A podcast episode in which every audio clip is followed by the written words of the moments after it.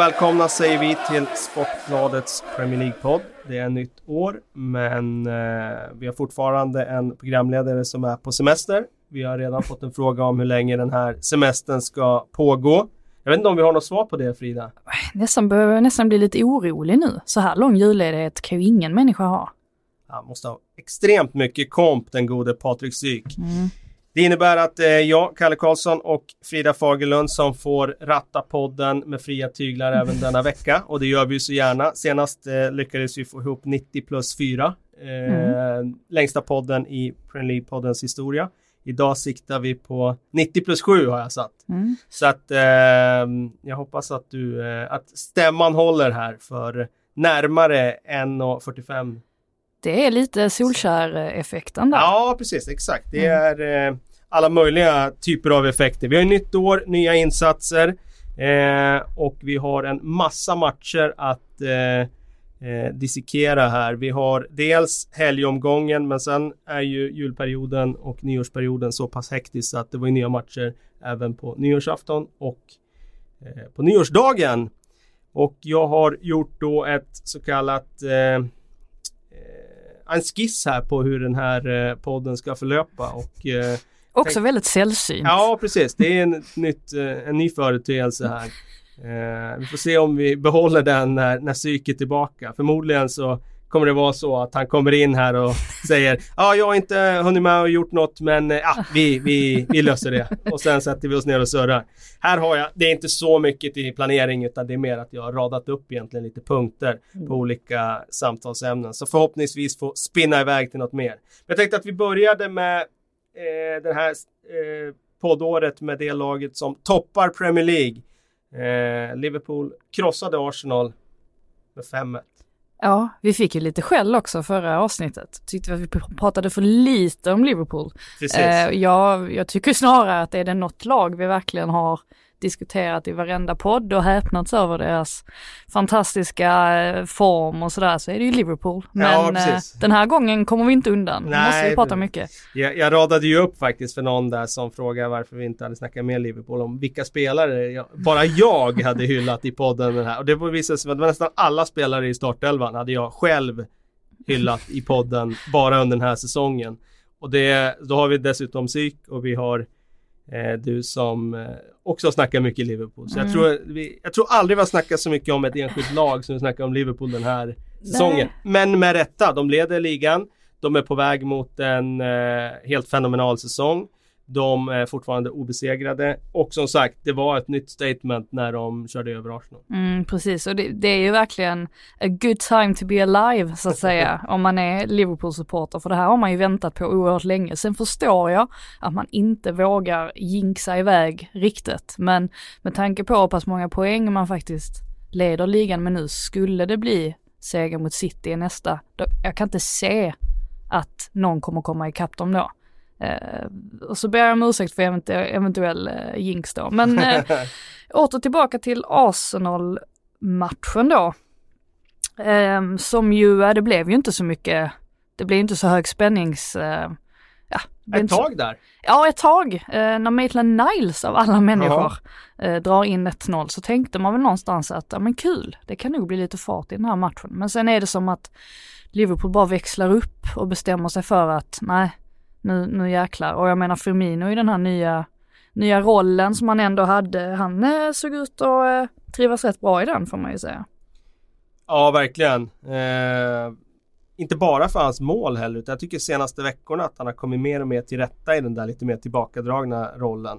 Och att Salah är farlig eh, i alla typer av situationer som är nära målet och runt straffområdet. Det har vi ju sett senaste ett och ett halvt åren. Och jag tycker de faktiskt, det kanske inte blir samma typ av kantspel som det blir när, när eh, Salah spelar på högerkanten, kan få bollen, vända upp och utmana.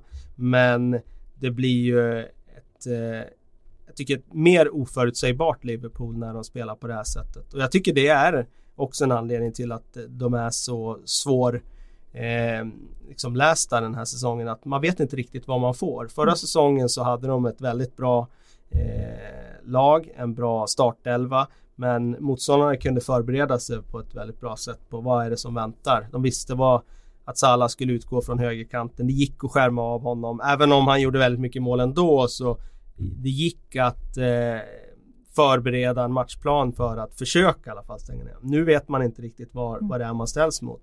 Det kan vara Shakiri som dyker upp i någon position. Det kan vara Firmino som gör det. Salah tycker jag är mer svårfångad i den där rollen än han nu. För nu ligger han bara och hugger längst fram och förr eller senare så kommer ju den där bollen eh, in antingen bakom backlinjen där han, han, kan använda sin snabbhet eller så de här situationerna som alltid dyker upp för en forward i typ i varje match. Eh, inte för, för Aubameyang i den här första halvleken, vi kan återkomma till det. Men, eh, men som forward får man alltid några lägen och han är ju så otroligt bra på små ytor och bara göra någonting av, av det lilla. Mm. Och jag menar, någonting oerhört fint är att Firmino ändå fick fullborda sitt uh, hattrick är det väl inte i och för sig. Uh, det måste de väl vara gjorda på rad och, och, så vidare. Men fick göra sitt tredje mål i matchen. Ja, det är inget äkta hattrick men det är ett hattrick i alla fall. Omdebatterad fråga. Jag vet att jag, det, ja, det finns ju vissa som hävdar att man absolut inte får kalla uh, ja, men om, om man gör två mål i ena halvleken och den tredje i den andra halvleken så finns det vissa som hävdar att det är absolut inte hattrick. Ja okej, okay. uh, jag, jag är inte en av dem. För mig är det ett ja, men hattrick. Bra, men då kör vi på att ja, vara ett hattrick. För mig är det ett hattrick. Uh, om än inte äkta hattrick. Uh, men det var fint att han fick sätta den där.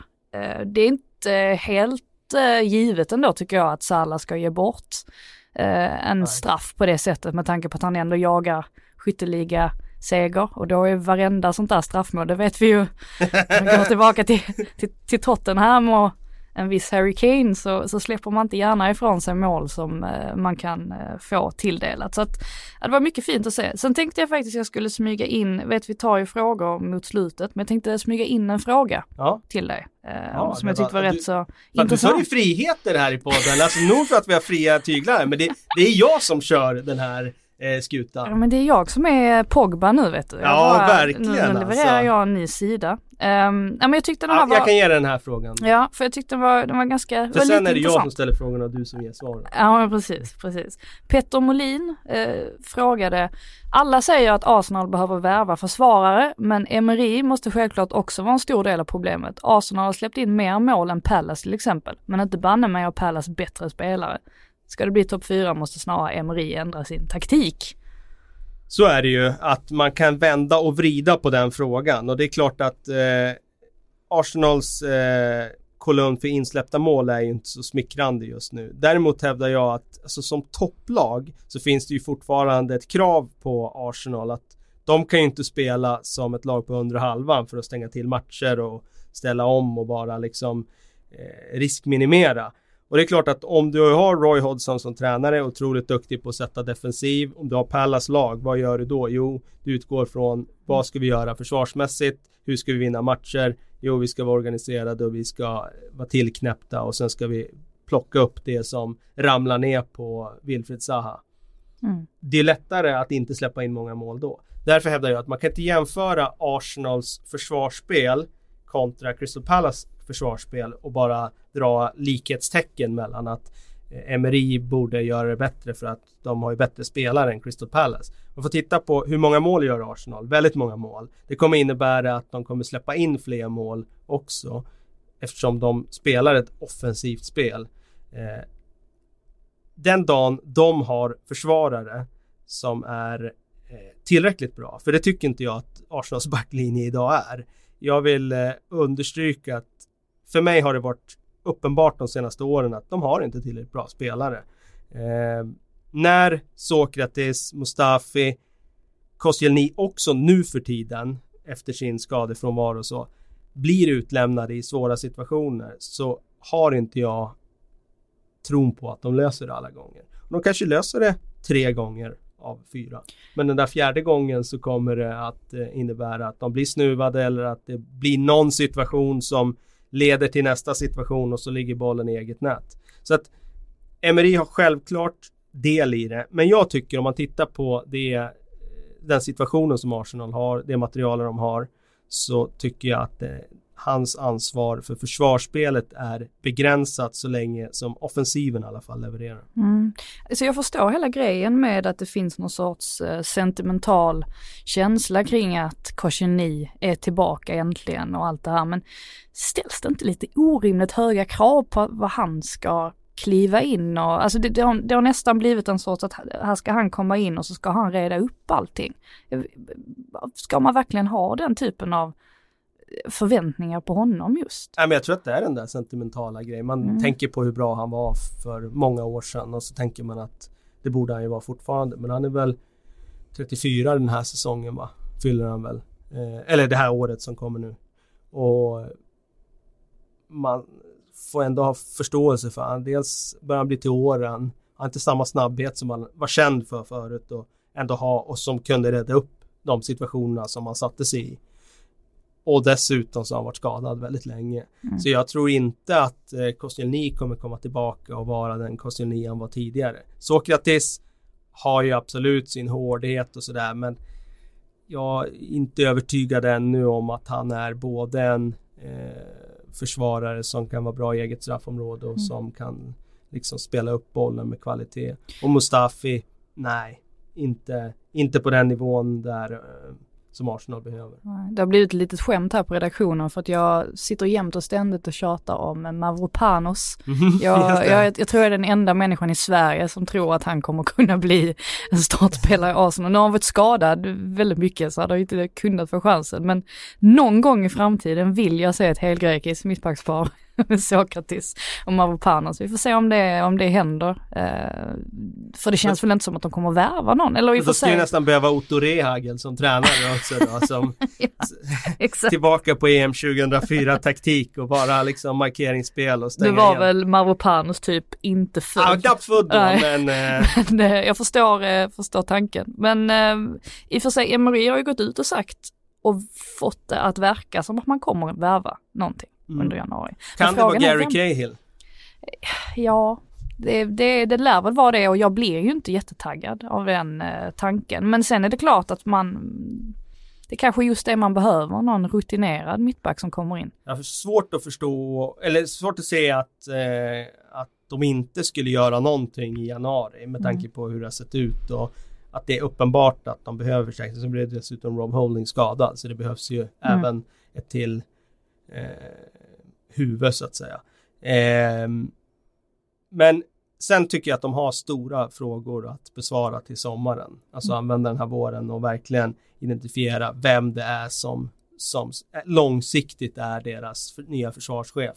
För där får de ju gå på den kategorin som är lite under den högsta. Jag tror inte att de lossar Koulibaly för en miljard utan jag tror att det blir eh, att scouta fram en riktigt bra framtidsspelare. Mm. Och det är inte lätt. Men den förmågan har ju Arsenal haft eh, tidigare och i alla fall för ja, när Wenger var som allra bäst. Då hade de den, den förmågan. Sen har den gått förlorad. Den behöver de hitta igen.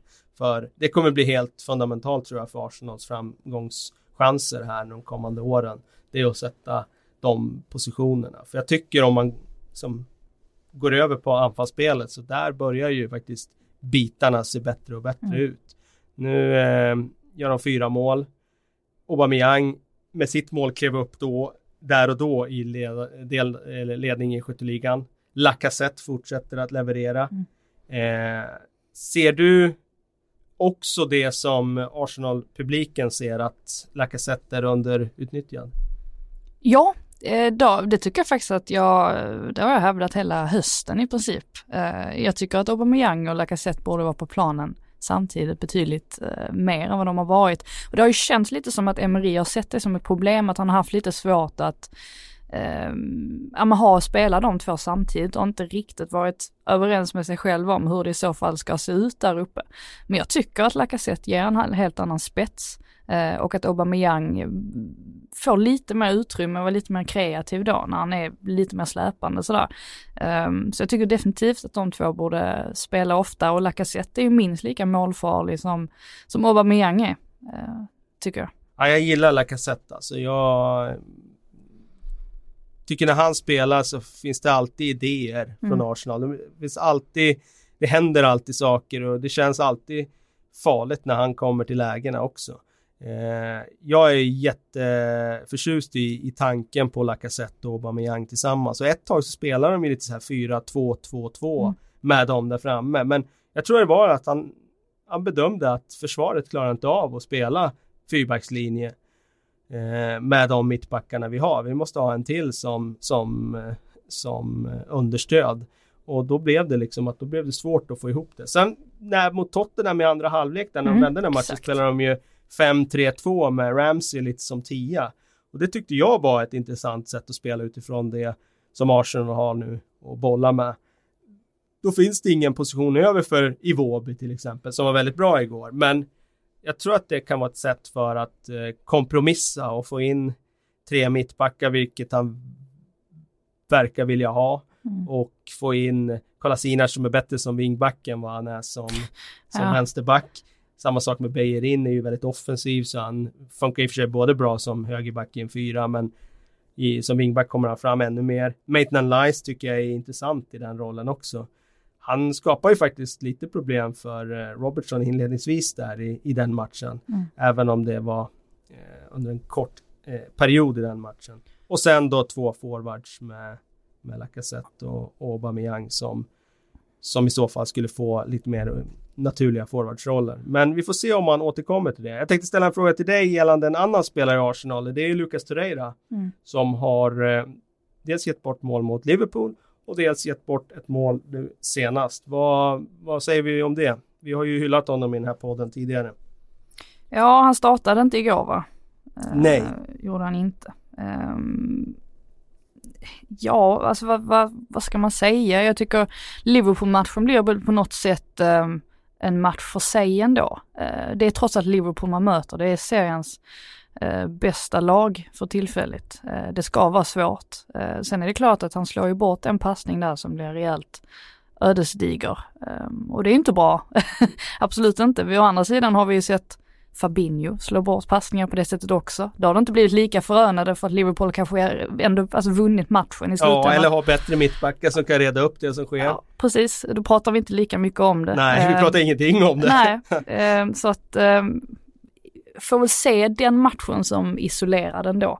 Eh, jag tycker ju fortfarande att Torreira är ju är ju Arsenals bästa nyförvärv från i somras och är väl definitivt ett av ligans bästa nyförvärv också, alltså totalt sett. Mm. Eh, men sen är det klart att hela Arsenal har ju en bit upp till de här absolut bästa lagen, i alla fall topp tre där med Liverpool, City, eh, Tottenham. Eh, de, ja, sen gick det ju bra mot Tottenham, absolut. Eh, det ska ju sägas. Men jag tycker ändå att de har en bit innan de kan kalla sig, alltså innan de har någonting där uppe att göra. Mm. Nu blir det krig om den där fjärdeplatsen som mm. vi hade förväntat oss inför året. Jag satte dem ju sexa så att vi får se. Är de bättre än sexa så är det för mig en överprestation sett till det materialet de har jämfört med de andra toppkonkurrenterna. Precis. Um, Får vi tillägga också ja. att Lacazette, uh, han var ju lite skadad ändå där ett tag under hösten. Ja. Uh, jag vet man glömmer bort det uh, sådär. Men då när han kom in mot Tottenham var det väl egentligen tanken att han skulle ha startat matchen. Men man vilar väl honom ja, inledningsvis och sen fick han komma in. Det var bara lite parentes. Var ju också lite intressant kan ju som ytterligare en parentes där att eh, Emirates valde ju att, eller svarade ju med att bua när han blev utbytt nu senast mm. i matchen och det visar väl ändå att det är lite sådär, eh, vad ska jag säga, eh, oro kring Emery nu. Han har inte lika liksom, starkt mandat efter den här eh, svaga julperioden som han hade när de gick in i eh, vinterperioden när de precis hade slagit Tottenham i derbyt och så vidare. Eh, nu, hade han gjort det bytet då så hade de inte buat. Nu buar de och sen kom Rams in och så gjorde han mål. Mm, så ja. Det blev gott slut och jag tror att eh, eh, alltså det är nog det är nog bäst för Arsenal att fortsätta ge tränaren förtroende för att den arenan har haft så mycket av just den där varan att liksom eh, bara göra situationen och klubben och tränaren ännu mer osäker. Så att eh, jag tror det är bättre att de står bakom sin tränare här framöver. Eh, vi går över på de andra lagen som du nämnde där. Manchester City har ju haft en eh, väldigt tung period men stod sig tillbaka senast. Eh, och vann och räddade i alla fall temporärt titelstriden. Vad säger vi om City? Såg du den matchen? Mot Southampton? Eh, ja, delar av den eh, ska sägas. Eh, inte så att jag satt och ehm, råstirrade på den.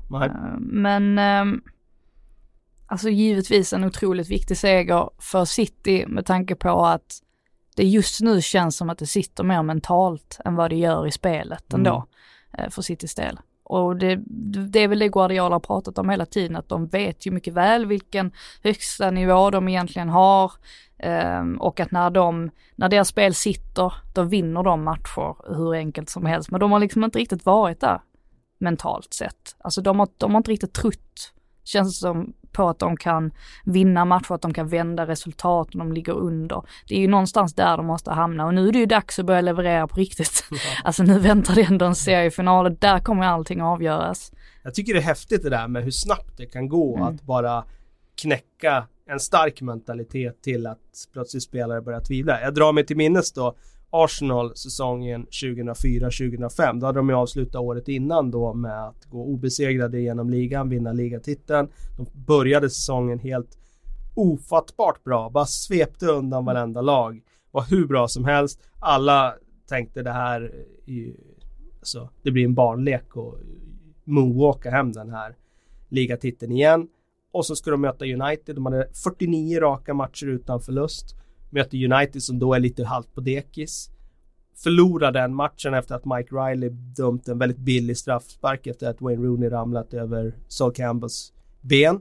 Ehm, och bara någonting händer. Arsenal går liksom en månad där liksom spelet vacklar, tror inte på sig själva, vinner knappt en match. Och allting det där som de har byggt upp under så lång tid är liksom bara bortblåst. Och lite så var det ju med City. När vi pratade om City för tre veckor sedan så pratade vi om ett City som om de kändes omöjliga. De hade lång skadelista men det liksom bara fortsatte. Seger på seger på seger. Och sen kommer de in och förlorar mot Chelsea den där andra halvleken där, där de faktiskt blir verkligen sårade. Och efter det så har det hänt någonting. Och jag tycker man ser det på den här matchen mot Southampton också att de är väldigt bra spelmässigt första 20-25 minuterna och bara skapa chans på chans. Borde ju lätt med mer än vad de gjorde. Och så kommer det ett mål och så blir de liksom Mm. osäkra igen. Precis. Och ehm, nu hade de lite tur tycker jag. Att de fick det där självmålet precis före paus och så bara fyllde de på med ytterligare ett före Mm. paus. Det är väldigt intressant att se i en andra halvlek vad som hade hänt om de inte hade fått det där målet. För det kändes som att de var jäkligt liksom sargade redan inför den matchen. Och så Mm. gör Southampton 1-1 och de eh, plötsligt bara funkar inte det där spelet som de gjorde första 25 minuterna på samma sätt längre. Mm. Eh, men nu en seger, det kan räcka för att komma upp i sulken igen. Eh, jag tycker att det fortfarande finns en osäkerhet kring deras försvarsspel. Eh, så det blir oerhört intressant att se nu när de ska ta sig an Liverpool Mm. imorgon. Vad säger vi inför den matchen? Alltså, först och främst så lär de väl tänka, eh, eller jag kan tänka mig att Klopp tänker att om det nu fortfarande blir Sinchenko på vänsterbacken till exempel. Ja, han var ju bäst på plan enligt Pep Guardiola i intervjun efteråt. Så att Åh herregud, omvänd psykologi Ja, verkligen. Ehm, alternativt Delf då. Ehm, alltså oavsett vem egentligen som spelar. Delf är väl avstängd? Nej, han är är han avstängd en till match? Det. Spelar egentligen roll, ingen roll vem av dem som Nej. startar för att det oavsett vad så är det ju där, det är ju Citys um, akilleshäl trots allt, vänsterbacken. Och hade jag varit Klopp då hade jag ju satt Sala på den kanten exempelvis och bara låtit honom tokbelasta den. Eh, för där kommer finnas uh, ytor att jobba med, definitivt.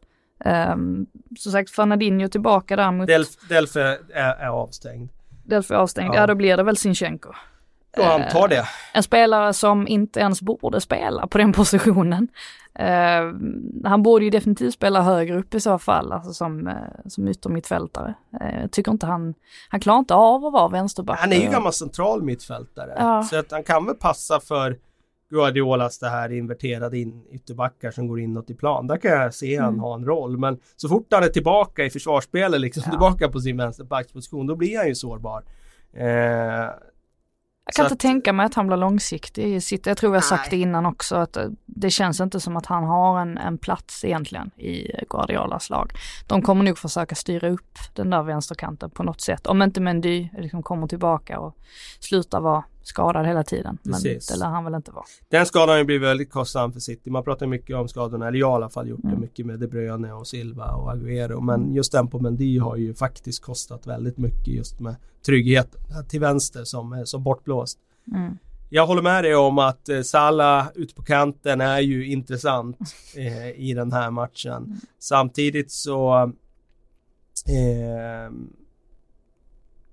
var han utgår någonstans ifrån Ja. behöver inte betyda liksom att han inte kan dra sig ut till den där kanten. Så att vi får se hur han formerar det till den här matchen. Eh, det, Känns det som man kommer gå tillbaka till ett 4-3-3 ändå? Ja, Alltså, jag tror också det. Just för att han vill spela lite lägre och ställa om. För de Mm. behöver inte vinna. Det blir City som får driva den här matchen. Jag tror att Liverpool är helt trygga med det. Mm. De vet ju själva hur sylvassa de är när de får ställa om. Så att jag tror också att eh, ett omställningsbaserat 4-3-3 eh, som de har spelat mot City tidigare och haft stora framgångar med. Eh, ska komma ihåg att de har plusstatistik på, på Guardiola Ja. sett det senaste året. Eh, och inte minst då i, i Champions League där de verkligen körde över dem. Alltså nu kan jag inte tänka mig att den här matchen kommer att se likadan ut som den vi såg i, i höstas som blev så himla tråkig. Nej. här kommer det ju bli, alltså jag tror City kommer ta tag i det från början och trycka på som de brukar göra de första 20-25 minuterna. Står Liverpool emot då, eh, då tror jag nog definitivt att Liverpool eh, kommer gå segrande ur det här. Men det krävs ju som sagt, sen tänker man lite på i höstas, alltså tänk om Mares hade satt den här Ja, straffen. det, Då- det då kan hade vi-. Då hade vi en he- haft en helt annan situation Ja. säkert. Det hade säkert kunnat bli någon sorts dominoeffekt åt något håll. Alltså att vi kanske tabellen hade sett helt annorlunda ut. Det får alltså, vi aldrig vet. veta, men det är intressant att tänka på sådana grejer. Jag gör ofta det, liksom. Just de här olika vägskälen. Dels de vägskälen som finns i den enskilda matchen, Mm. men också hur just det resultatet kan påverka det som sen skedde. Jag menar, eh, jag kommer ihåg vi pratade om det i podden då efter den matchen. Är det här som kommer att Mm. liksom vara avgörande när vi är framme i vår i titelstriden? Och känslan är ju att Liverpool växte ju under hösten av den här just att vi är obesegrade Precis. och liksom den här känslan av att de inte har förlorat. Mm. Eh, Jag tror de går in alltså, med en otroligt skön känsla i den här matchen. De har, de har ju inte den pressen på sig. Det är väl klart att de har press så tillvida att alltså, skulle City vinna den här matchen så är det helt plötsligt eh, fight igen eh, om titeln. Eh, men sen samtidigt otroligt härlig känsla. Det måste vara att gå in och veta att vinner vi den här matchen, alltså då har vi så långt försprång så att det vore helt osannolikt om vi kollapsar nu och missar den. Alltså det är ju, det måste vara, ah, alltså klart att det är en otroligt tillfredsställande känsla, alltså om man skulle vara i den positionen. kan inte vara i en bättre position Nej. än vad de är i. Eh, och å andra sidan vet de ju också hur jobbigt det är för City att gå in i den här matchen och känna att vi får inte förlora. För förlorar vi så, ja men då är Mm. det över. Eh, jag säger så här, finns det någonting, före vi vet resultatet på den här matchen, finns det någonting som talar för att Liverpool inte skulle vinna Premier League den här säsongen? Vad skulle det vara i så fall? Vad skulle kunna hindra dem? Eh, det som skulle kunna hindra dem är väl kanske om man ehm, helt plötsligt inte har med sig det där lilla flytet som man oftast eh, måste ha. Alltså om man börjar kryssa en massa matcher till exempel. Eh, det kan ju bli förödande i slutändan. Jag tror jag drog exemplet med AIK som släppte in IFK Norrköping i titelstriden eh, med bara några, nå- någon månad kvar just för att de kryssade en massa matcher. Då krävs det inte mycket ändå för att man ska eh, komma ikapp om det andra laget plockar treor hela tiden. Och om de skulle vinna den här matchen Liverpool, finns det någon överhuvudtaget liten, liten fragment av någonting som skulle kunna hindra dem då? Det är ju bara, det är bara historien i så fall, tycker jag. Mm. Det, och det är ju att man vet ju hur det gick, alltså hur, hur det har gått för när man har jinxat och man har trott liksom att ligatiteln varit säkrad och sen är det någon stackare som halkar och sen så är det, sen så är det borta. Men, men nej, i, rent, rent logiskt så kan jag absolut inte se se något annat än att Liverpool tar den här titeln. Jag kan verkligen inte det. Nej, jag kan inte heller det. Men du och jag har ju suttit i den här båten från start. Så att mm. för vår del är det ju logiskt att, eh, att, eh, att de leder ligan och att de eh, att det går deras väg. Ja. Det hade varit intressant att ha någon annan just nu i studion som liksom hade trott, ja, sett saker på ett annat sätt. Jag hoppas ju nästan att de inte tillåter Champions League att komma i vägen för dem, alltså i ligan just för att Alltså om man tänker, det tar ju rätt mycket energi ändå, alltså att spela eh, spela en åttondelsfinal och sådär. Och skulle de gå vidare där, ja, då har man ju helt plötsligt, alltså då kan man ju inte heller Alltså man kan inte sacka efter, alltså då måste man ju ge allt man har i en ja, kvartsfinal för att det är, ändå, det är ändå så pass mycket värt att vara så långt. Eh, så, så jag hoppas ju att de ändå, ähm, att för, för mitt tips skull och för alla Liverpool-supportrars skull så hoppas jag faktiskt att de liksom lägger fokus nu på ligatiteln. Det känns som att den är viktigare just nu än vad Champions League är. Ja det är den, definitivt. Vi går vidare på um, eh, ett lag som har blandat och gett här runt nyår. Tottenham förlorade överraskande hemma mot Wolverhampton. Mm, det var bara för vi pratade så mycket om dem ju förra Och sen eh, studsade de tillbaka igår och vann mot Cardiff lekande lätt på bortaplan. Mm. Vad, vad har vi Tottenham någonstans? Är det det laget som förlorar mot Wolves eller är det det laget som vann borta mot Cardiff?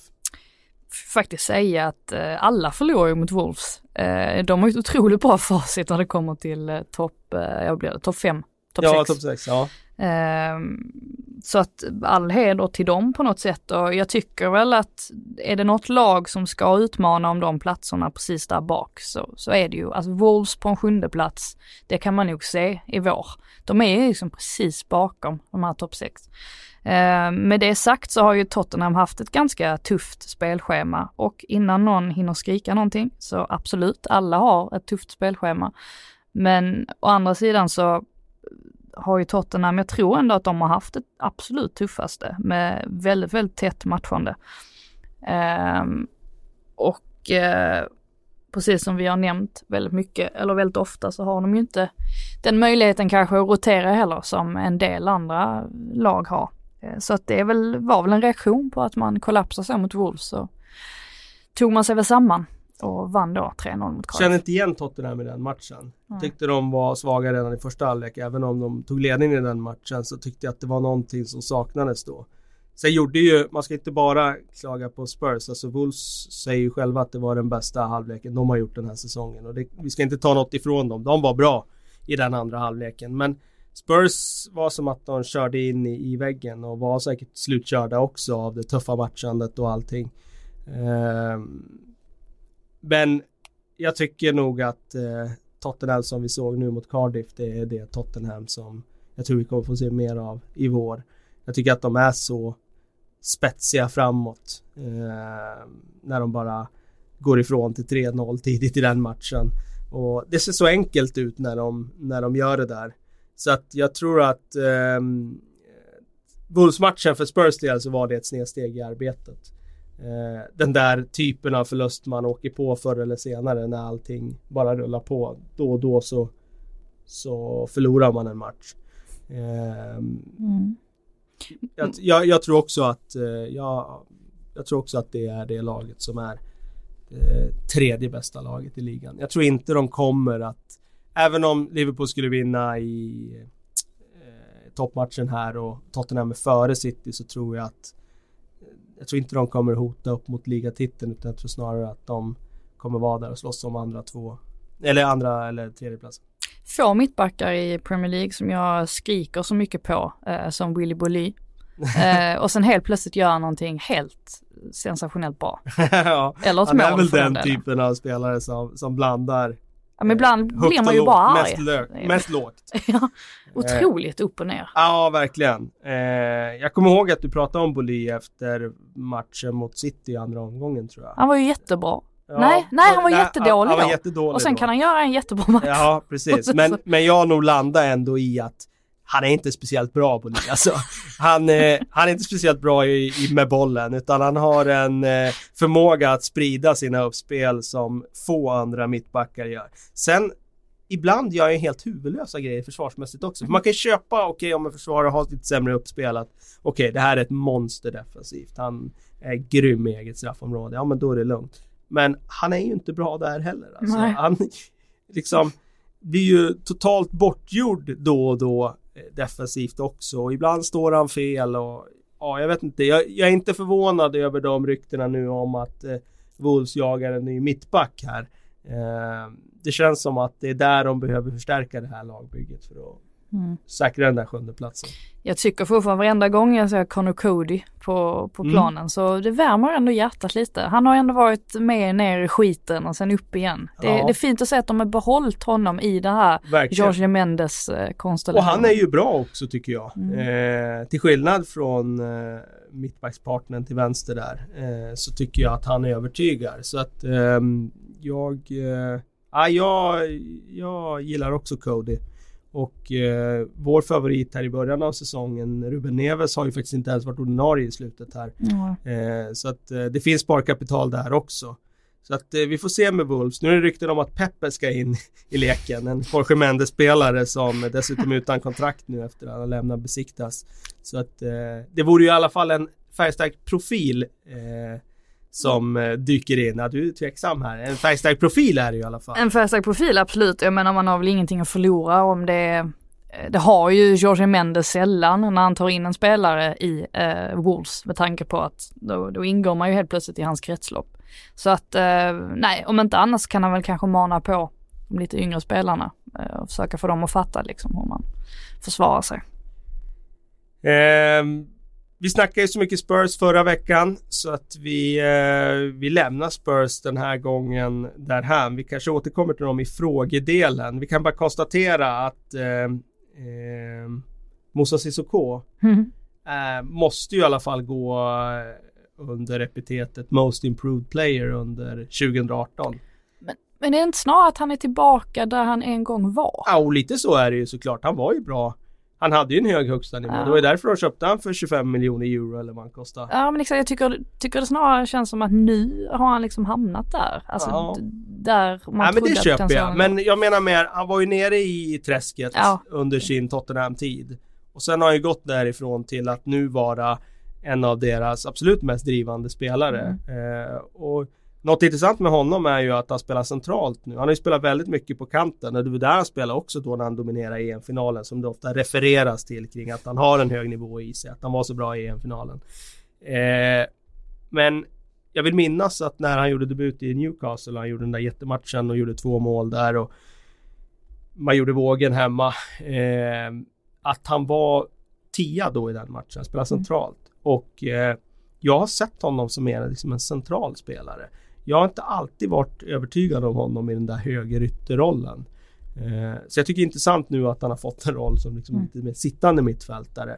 För han är ju väldigt kraftfull och liksom, men kan styra rytmen i spelet och kan vända bort spelare och, och um, slå fram passningar på ett väldigt fint sätt nu tycker jag också att han gör. Så att jag tycker han är intressant i den där lite mer sittande rollen. Ungefär på samma sätt som Moussa Dembélé en gång i tiden var en offensiv spelare men sen togs tillbaka ner till en mer liksom eh, plats där han fick eh, agera mer rättvänd och, och, komma med fart och driva boll och sådär. Så att eh, jag tycker den omskolningen påminner lite grann om den som Dembélé gjorde tidigare i sin karriär. Mm. Eh, vi snackade Wolves och sjunde platsen. Det var ju faktiskt eh, en match här eh, som spelades på nyårsdagen. Nyårsdagens första match som var mellan två lag som utmanade om just den där sjunde platsen. Everton-Leicester. Jag satt hemma. Eh, den var, var kul. Eh, väldigt eh, pigg faktiskt på nyårsdagen. Jag har en gravid sambo hemma som inte vill parta till det så mycket så att det var jag har aldrig varit så stark någon gång på en nyårsdag som jag var den här gången. Så sympati? Eh... Ja, jag var sympatinykter ja. helt enkelt. Eh, så att eh, jag såg oerhört mycket fram emot eh, att sparka igång det nya året med några riktiga smällkarameller till matcher. Då tyckte jag att Everton-Leicester var superintressant. Två lag som slåss om den där sjunde platsen och det föll platt, minst sagt. Det var en av säsongens absolut tråkigaste matcher.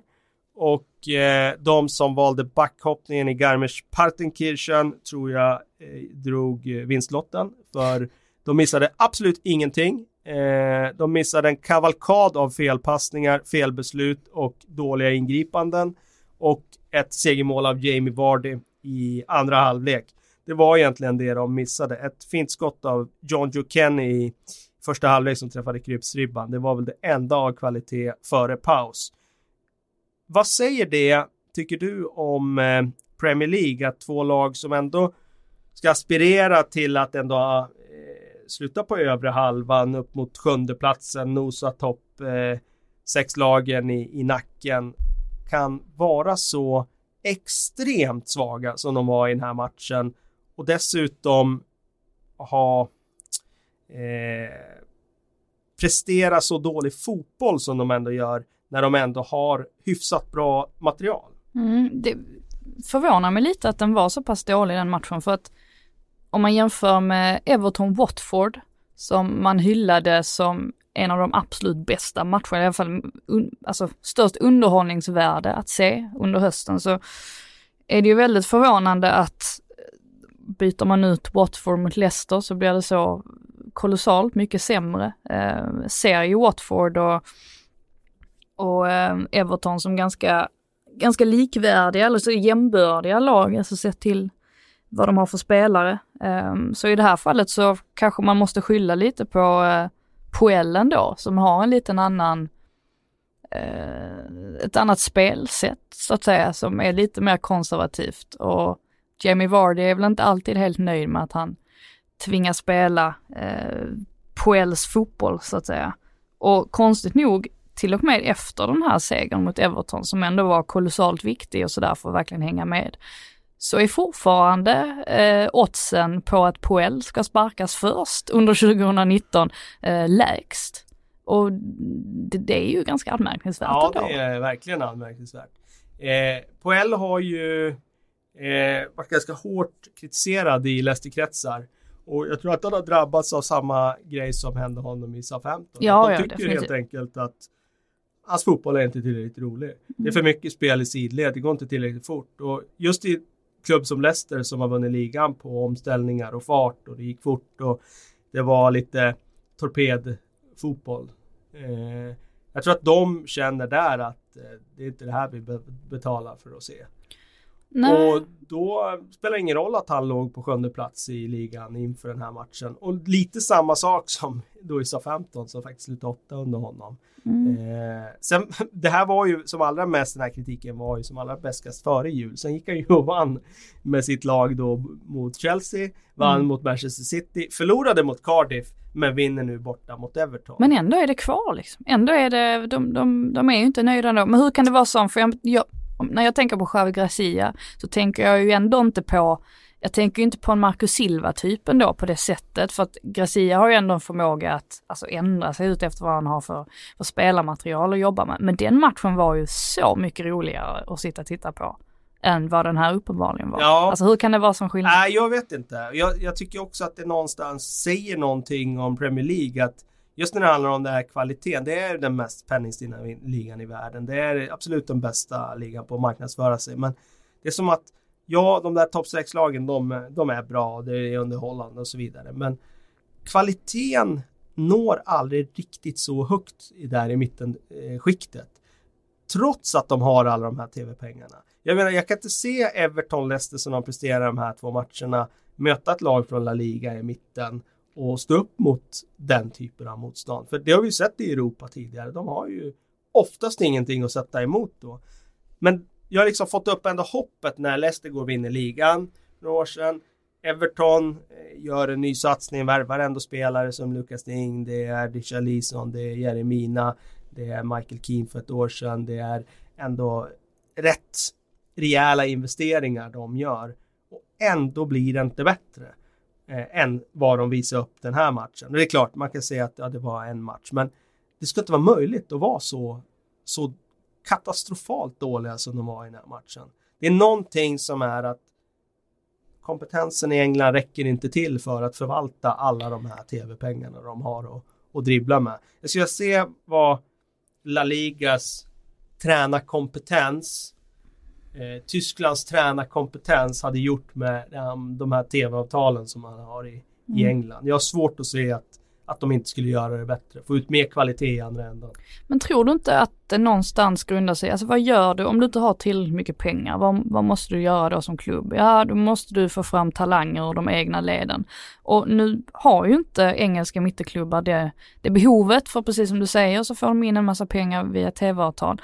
Jag såg bara någon eh, någon sån här notis om att eh, Wan-Bissaka i Palace är den första eh, alltså egna produkten sedan 2012, alltså att spela i Crystal Palaces eh, A-lag. Det säger ju ändå ganska mycket. Alltså jag, jag bara tänker om man, alltså klubbar som har en, ett grundtänk som, som finns redan på akademinivå, som liksom följer upp sådär. Det, det måste gynna en klubb mer i slutändan än att chansa och sätta ihop ett lag, alltså betala dyra pengar för en enskild spelare, så faller kanske inte det väl ut. Nej, då står du där helt plötsligt och sen så, ja men jag, jag vet inte. Det är en väldigt luddig eh, luddig nej, analys. Men, men... Nej men jag, jag köper lite det där. Man, man, behöver ju inte bli bättre om man har så mycket mm. medel att röra sig med. Och jag tror att det kan finnas en sån aspekt när det gäller Premier League. Att man behöver inte vara så jäkla duktig på att utveckla det man har och scouta och allt det där för att ah, det kommer alltid nya tv-pengar. Ska man mm. köpa något nytt och sen är det nytt år och nya insatser och sen lämnar vi det som har varit. Och så kommer det in, får man en fullträff till slut på, på transfermarknaden så, så har man löst problemen på det sättet. Jag får bara kolla på, ja men till exempel om vi tar ett exempel med Liverpool. Alltså Trent Alexander-Arnold. Mm. Då har man sluppit att betala jättestora pengar ja. för att få in en eh, ytterback som, mm. som duger. Mm. Och uh, inte bara duger. Nej, precis. Som ska liksom hålla absolut högsta nivå. Ja. Uh, I United, där man har Rashford, dels uh, Lingard för den mm. delen också. Alltså där man spelare som inte har kostat så mycket samtidigt som de bidrar ju med någonting annat också. Alltså Verkligen. de bidrar ju med alltså klubb, eh, klubbkänsla, exakt, supportrarna gillar det. Alltså det är ja. mycket att vinna på. Ja, ja, det är otroligt mycket att vinna på. Därför gillar man ju varje gång det eh, liksom släpps fram den mm. typen av eh, unga spelare. Och vi kommer komma in på det mer sen när vi ska snacka lite Championship i det här avsnittet. Men eh, ehm, jag hoppas att Everton som, som haft en fin akademi och haft en tradition av att släppa fram egna spelare eh, kommer att få ordning på det här för att eh, just nu är det lite dystert. Vad säger vi om Marco Silva? Hans situation just nu är att han eh, stoltserar med Everton på tionde plats. Mm. Eh, och inte så mycket bättre än vad Sam Allardyce gjorde med det här laget. Nej, de hade väl exakt samma statistik va? Eh, till och med. 21 inspelade poäng på... 27 inspelade poäng 27. på 21 matcher. Ja, 27 inspelade poäng på 21 matcher.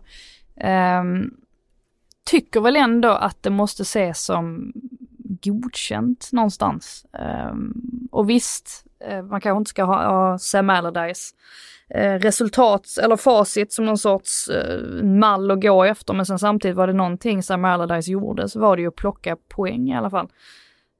så att um, nej, han, eh, Marco Silva har det ju lite tufft just nu. De har ju inte vunnit speciellt många matcher. Det är väl bara en på de senaste fem spelade matcherna. Eh, men eh, sen samtidigt så, jag tycker att vi alla ser problemet i Everton. Det är ju defensiven. Alltså det är ju för naivt. Det har vi kunnat konstatera gång på gång. Det är där man måste göra någonting. Men har man för dåliga spelare där? För jag tänker om man tänker en, en backlinje med eh, Seamus Coleman till höger, Michael mm. Keane, eh, sen om det är Jeremina eller om det är Kurt Zuma och sen till vänster Lucas Ding. Är det så jävla dåligt? Det är Jordan Pickford i mål, är det så dåligt? Nej det tycker jag inte, Nej. men det är just därför, därför om något, alltså borde man väl kunna få ordning på det. Ja, jag tycker också det. Jag tycker också det. Och då, det faller ju ändå liksom tillbaka då på tränaren. Om man har mm. materialet, man har inte det här topplagskravet på sig att spela i superoffensiv fotboll och ösa in mål framåt. Eh, Marco Silva har ju aldrig riktigt fått ordning på försvarsspelet mm. där han har varit. Eh, och jag hittade en statistik här också när det gäller Marco Silva. Att han, har, han har alltså tagit 74 poäng på sina 63 senaste Premier League-matcher. Eh, det, då innefattar ju det också hans sista tid i, i Watford. Där han fick sparken eh, efter att Everton hade varit där och ryckt lite grann i honom. Och Watford upplevde det som att han tappade fokus. Laget dippade Men 74 poäng på 63 Premier League-matcher, det åker man ur ligan på. Mm. Med buller och bång. Och då undrar jag, hur bra är Marco Silva? Eh, han tog över Hull City, gjorde det Mm. lite bättre än vad Mike Pilan hade gjort innan honom i den klubben, men de åkte ur. Han fick gå därifrån. Han skrev på för Watford, de började väldigt bra, som de alltid gör på hösten, har gjort det under andra tränare också. Sen dippar de ganska rejält. Och nu i Everton så hade vi stora förhoppningar på honom och eh, just nu ligger de tia. Han kanske är en sån tränare som ger en snabb injektion till ett lag, men att det inte håller i längden. Alltså det är uppenbarligen den känslan man får när man får det här eh, uppläst för sig. Eh, jag vet inte faktiskt, alltså hur, jag är också lite osäker på honom nu, med tanke på att det kan gå så här många matcher utan att det eh, utan att han ser till att åtgärda problemet. Alltså de flesta människor, om det börjar gå dåligt så brukar man oftast liksom ha en sorts insikt och tänka att någonstans ser det inte bra ut och där måste vi täppa till den läckan. Men det gör han ju inte riktigt heller.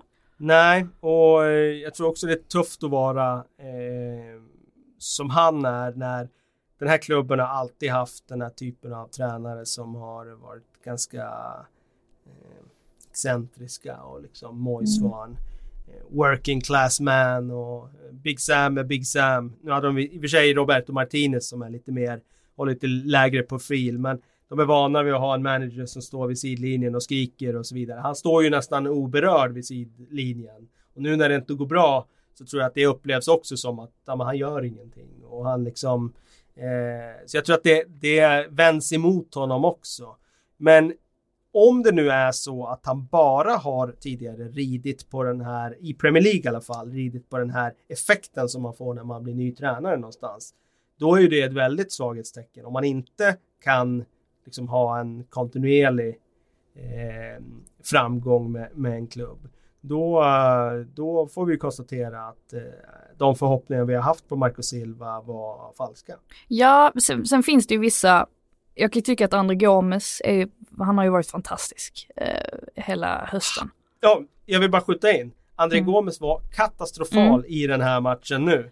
Eh, man kan knappt förstå hur en så skicklig fotbollsspelare kan vara så eh, slarvig som han var i den här matchen. Men jag håller med dig. Ja, han har precis. varit oerhört bra tidigare. Där har vi en liksom parentes. Sen så tycker jag att eh, Idrissa Gueye, jag tycker inte att han har varit alls bra. Alltså Nej. det jag har sett av honom så Nej, alltså jag tycker han tappar boll, han tar felbeslut hela tiden. Han är aldrig, han ger aldrig understöd till sina lagkamrater. Eh, eller aldrig, men alltså de, de matcherna jag har sett så har han inte imponerat. Jag tycker Bernard, det är klart att det är en spännande teknisk spelare, men samtidigt så är han oftast alldeles för lätt att knuffa undan för alltså motståndarförsvaret. Det är, det är mycket bolltapp på honom också. Eh, så, någonstans kan man ändå så här se lite mönster. Om du dessutom säger att André Gomes, alltså han var så katastrofal i senaste matchen, då har man kanske lite svar på, på där också varför de förlorar. Alltså det är, jag vet inte. Det är, jag vet inte riktigt ens vad jag, vad jag vill komma med det här, men det är ju det är inget fem plus. Det är inga fem plus-spelare rakt igenom, även om det finns spelare som Lucas Din till exempel som verkligen har kommit upp på en väldigt, väldigt hög nivå. Eh, och det finns eh, såklart, man har Jordan Pickford, han har haft det ganska tungt nu på Han sistone. det. Släppt in Han var extremt mycket mål. inte förtroendegivande i den här matchen heller. Nej. Tvålan om boll där. Och det kan ju säkert påverka ett lag oerhört mycket också, för att han Säkert. känns ju som en oerhört självsäker kille eh, i, i vanliga fall. Marco Silva hänvisade till att spelarna var nervösa och oroliga men där ser jag det nästan som, eller nästan, jag ser det som hans uppgift som tränare att se till så att de inte är det. Där har han ingenting att, att skjuta över så att säga utan det är hans uppgift som, som manager att eh, ingjuta mod i dem. Just nu har han inte gjort det tillräckligt bra. Jag hoppas att han kommer få tid och tålamod. Jag såg någonting på Twitter idag, det var ju så många så här radioprogram där man kan ringa in i England. Och de brukar ju bjuda på ganska stor underhållning. Nu var det någon riktig show med som tyckte att de skulle ta tillbaka David Moyes. Och det kan man ju tycka, jag menar han har ju väldigt starkt renommé i Everton-kretsar för det han gjorde där. Men han hänvisade till att han gjorde ju ett fantastiskt bra jobb i Manchester United, sa han. Eh, Jaha, sa han som ledde radioprogrammet där. Men vänta nu, var, var han bra i Manchester United? Ja, han var bara två poäng efter Sir Alex Ferguson vad han var liksom året innan. Jaha, men vänta, vann inte Manchester United ligan året innan? Eh, fortsatte han i Då bara vände han helt. Ja, men eh, han är i alla fall, eh, han är i alla fall riktigt bra David Moyes. Ja. Så att eh, i vissa Everton-kretsar nu så börjar det snackas om en comeback för David Moyes. Jag eh, skulle nog vilja se att Marco Silva får mer tid här och reda upp det här. Ja, så länge det inte är någon... panikknappen. Ja, exakt. Så länge det inte är någon fara på taket, alltså sett till tabellen. Alltså börjar man tappa en jäkla massa placeringar. Det är ju klart att det är oroväckande. Just nu är det ju ganska lugnt ändå. Eh, det är klart det är inte Eh, alltså, det är klart de kan inte börja förlora hur mycket matcher som helst, men sen samtidigt så, så länge de ligger här, alltså på tionde plats, det är ju rätt okej okay ändå. Ja, alltså det är inte det de har eh, siktat på, men jag menar, jag tycker inte man ska trycka på panikknappen Nej. när man har ett ungt manskap, man ska bygga någonting på sikt. Jag tror fortfarande Precis. att det här unga manskapet kan utvecklas till att bli något bra och då tycker jag att det är lika bra att ge en tränare tid nu över den här säsongen i alla fall minst och försöka eh, verkligen bygga. Sen ska man inte gråta några krokodiltårar heller om man inte liksom tar en Europa League-plats. Ja, men vad ger Europa League? Det ger ju en ryggsäck till nästa säsong. Det är bättre då att se det långsiktigt och hoppas att eh, om man ändå ser att, att någon utveckling har skett, de kan man ju faktiskt se på så som Lukas Ding till exempel. Om det visar sig att det är fler som går i rätt riktning här under våren, då tycker jag oavsett tabellposition, inte oavsett, de kan inte ligga på 18, 17 plats liksom, men eh, ligger de kvar här i mittenregionen, då tycker jag att man ska ha titta mer på vad har gjort med spelarmaterialet. Mm. Om man kan se en förbättring där, då kan man köpa. Flexibility is great. That's why there's yoga. Flexibility for your insurance coverage is great too. That's why there's United Healthcare Insurance Plans. Underwritten by Golden Rule Insurance Company, United Healthcare Insurance Plans offer flexible, budget friendly coverage for medical, vision, dental, and more. One of these plans may be right for you if you're, say, between jobs, coming off your parents' plan, turning a side hustle into a full hustle, or even missed open enrollment. Want more flexibility? Find out more about United Healthcare Insurance Plans at uh1.com. Precis. Nog om Everton. Vi går över på Manchester United. De eh, har eh, tre raka segrar under Ole Gunnar Solskär. Mm. Eh, vi har eh, såklart snackat en del om just den där snabba effekten som du fick av att byta upp Mourinho. Men nu börjar man ju se även effekter på de enskilda spelarna som visar sig ganska tydligt. Jag tänker på en sån som Paul Pogba och på Marcus Rashford. Vad, vad, vad ser du hos de spelarna idag?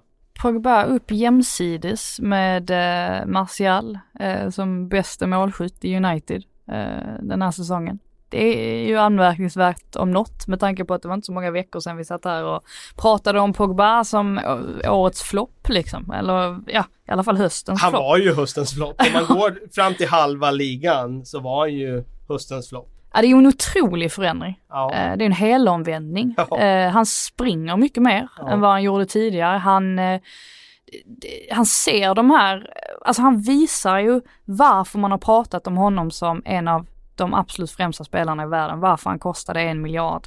Alltså helt plötsligt så slår han då den typen av passningar där man bara Oj, liksom, hur, hur, hur såg han ens det? Han håller i bollen, inväntar ett läge. Alltså det är en helt annan, det är en helt annan Paul Pogba. Alltså nu får de ju ut exakt det de vill ha ut av honom och det är otroligt anmärkningsvärt. Och det gör ju också alla spelare runt omkring bättre. För det är ja. klart att om eh, Lukaku får den där typen av passningar han fick senast. Nu var han ju någon decimeter eller några decimeter offside. Men får man den typen av passningar som Pogba slog senaste matchen. Då är det mm. klart att man har större chans att göra någonting av det också. Jag tycker det är remarkabelt att se hur, hur eh, han från att ha gått till att vara ointresserad och eh, ja, jag tycker rent ut sagt riktigt, riktigt dålig i vissa matcher under hösten och framförallt under senhösten. När den där relationen verkligen hade avbrutits mellan han och Mourinho. Till att nu de här matcherna var helt eh, outstanding. Han har ju varit man of the match i alla de här tre matcherna för mm. mig. Eh, och eh, senast så mot Bournemouth då tycker jag att han nådde en nivå som var ja, den var extrem. Och det är klart, det kommer alltid någon att komma och säga, vilket många gjorde efter den matchen, eh, ja men det var ju bara Bournemouth. Och det mm. var det ju, jag menar Bournemouth är ju jättesvaga just nu, de är mm. dessutom en väldigt svag trend. Men det spelar ingen roll vad det är för motståndare om man tittar på de enskilda aktionerna. Om man tittar på den crossbollen som han slår två, tre gånger i första halvlek som är liksom absolut världsklass. Det spelar ingen roll vad det är för motståndare. Utan den är ju den kvaliteten är ju ändå unik att kunna göra de grejerna. Och samma sak med att jag tycker inte hans två mål var egentligen det speciella utan mer hur han bara dominerade matchen med sina touch och sina framspelningar och sina beslut också. Det som var mest anmärkningsvärt tycker jag var att det var en liksom helt annan risk liksom medvetenhet från Pogba. I första halvlek så bröt han en passning i eget straffområde och tidigare under säsongen så när han har varit i eget straffområde så har han gjort svåra saker och liksom nu rensar han iväg bollen bara bort. Ett helt annat typ av tänk från honom än vad det har varit tidigare. Samma sak i slutet av matchen. Då istället för att jaga det där femte målet så såg man ju flera gånger hur han var den som var den smarta, intelligenta spelaren som äh, vi lugnar ner spelet istället, vi mm. passar mm. hemåt, vi behåller bollen inom laget, vi behöver inte gå för ett femte mål. Det var ju helt diametral motsatt till hur Pogba har varit tidigare den här spelaren som spelar som man spelar i parken en söndag. Inte tänker någonting på eh, risk eller någonting annat utan bara avslappnat bara ta rätt beslut i varje enskild situation. Det var ju en helt komplett insats. Jag såg att Solskär också noterade efteråt att det var ingenting för det flashiga sa han. Och det var inte det. Mm. Utan han liksom gjorde bara rätt saker hela tiden. Det är nästan så att man börjar tro att han faktiskt har medvetet spelat alltså på, alltså ja, medvetet varit dålig under hösten. För, för att verkligen peka på att det är Mourinho som är problemet. Ja, jag vill ju inte tro det. Jag tror inte det heller. Jag, jag tror helt enkelt att det är så mycket mentalt som sitter i huvudet när, när man inte trivs och när man inte liksom har huvudet och hjärtat med i det man gör. Då, då spelar det ingen roll vad man har i fötterna. Han har mm. allt och hela världen i fötterna. Men om han inte trivs och känner sig mobbad av sin chef, då, då kommer det inte fungera mm. för honom. Sen är det ju såklart nu när de har byggt om spelet och så, de spelar ju på ett helt annorlunda sätt nu, betydligt mer. De, jag noterade att både Lindelöf och även någon annan hänvisade till det där. Äh, men Solskjaer har bara sagt att vi ska spe, spela fler passningar framåt i banan och det syns ju verkligen mm. att de gör det. Men jag tycker också det är det är en helt annan frihet i hur de får röra sig nu de där tre där framme till exempel, Lingard, Rashford och Martial. Det är ju som att de har fria roller. De kan dyka upp lite var som. Mm. Och eh, så har det ju inte varit under Mourinho. Utan det känns som att det varit mer inlåst då. Och eh, alltid liksom med ett risktänk. Nu ser man ju hur bra de här spelarna är och vilken potential som har funnits när de får liksom spela med frihet och spela med eh, ja, kreativitet och fantasi. Rent individuellt så ska ju de här spelarna köra över ett lag som ja, Bournemouth. Så exakt. är det på pappret. Så är det ju. Men, eh, det har de ju inte gjort. Nej, så vi får ju se hur det kommer gå nu när de ställs mot lite tuffa motstånd. Och jag är otroligt spänd på att se hur det kommer bli när Alexis kommer tillbaka här från skada. För att ja. det är ju en spelare som Solskär inte har jobbat med. Nej. På samma sätt som han har Stämmer. jobbat med Rashford och Pogba och så här. Han har ju ganska ändå rätt ja, alltså ganska långtgående relation med väldigt många av spelarna ja. i, i uh, United. Lingard också antar jag väl eftersom att han är, kommer från egna akademin. Så att, uh, jag får se om det är en match made in heaven mellan dem också.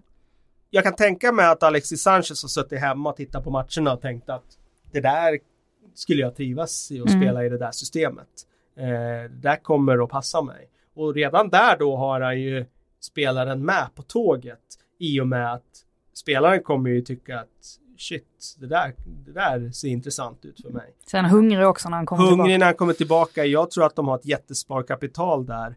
Och just det där med den där friheten som spelarna har nu i den där offensiven, att de får röra sig lite mer fritt och så vidare. Jag tror att det kommer passa Sanchez extremt bra. Mm. Så jag tror att vi kommer att få se eh, Sanchez skruva upp rätt rejält. Sen om han blir lika bra som han var i Arsenal, det låter jag vara osagt. För som sagt, han känns som att han har tappa lite speed och sådär. Men jag tror att han kommer också kunna komma in i vår här och göra eh, avtryck, det tror jag.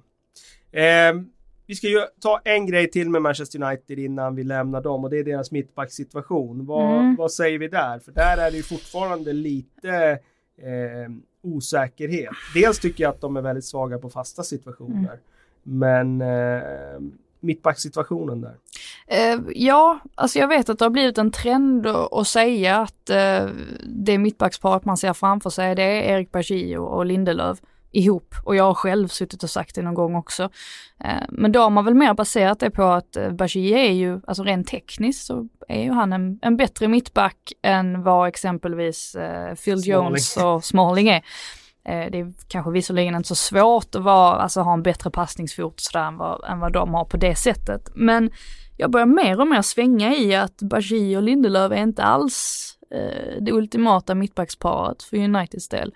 Jag börjar faktiskt tycka att man borde köra med Jones och Lindelöf istället. Av den anledningen att för att Lindelöf ska få, han är ju som bäst när han ges fria tyglar och får kliva uppåt i banan med, med bollen och... Eh, Vilket han får göra nu. Mm, precis. Och då måste man ha en mittback som man kan lita på bakom sig. Och är det någonting som både Smalling och Phil Jones kan så är de ju drillade såklart i vad en mittbacks eh, liksom, alltså, uppgifter är, alltså vad, vad de måste göra rent defensivt. Alltså det har de ju inga problem även om det händer att de tar ett felbeslut ibland och så vidare så känns det tryggare på något sätt att ha Phil Jones bakom Lindelöf kontra att ha Bagi.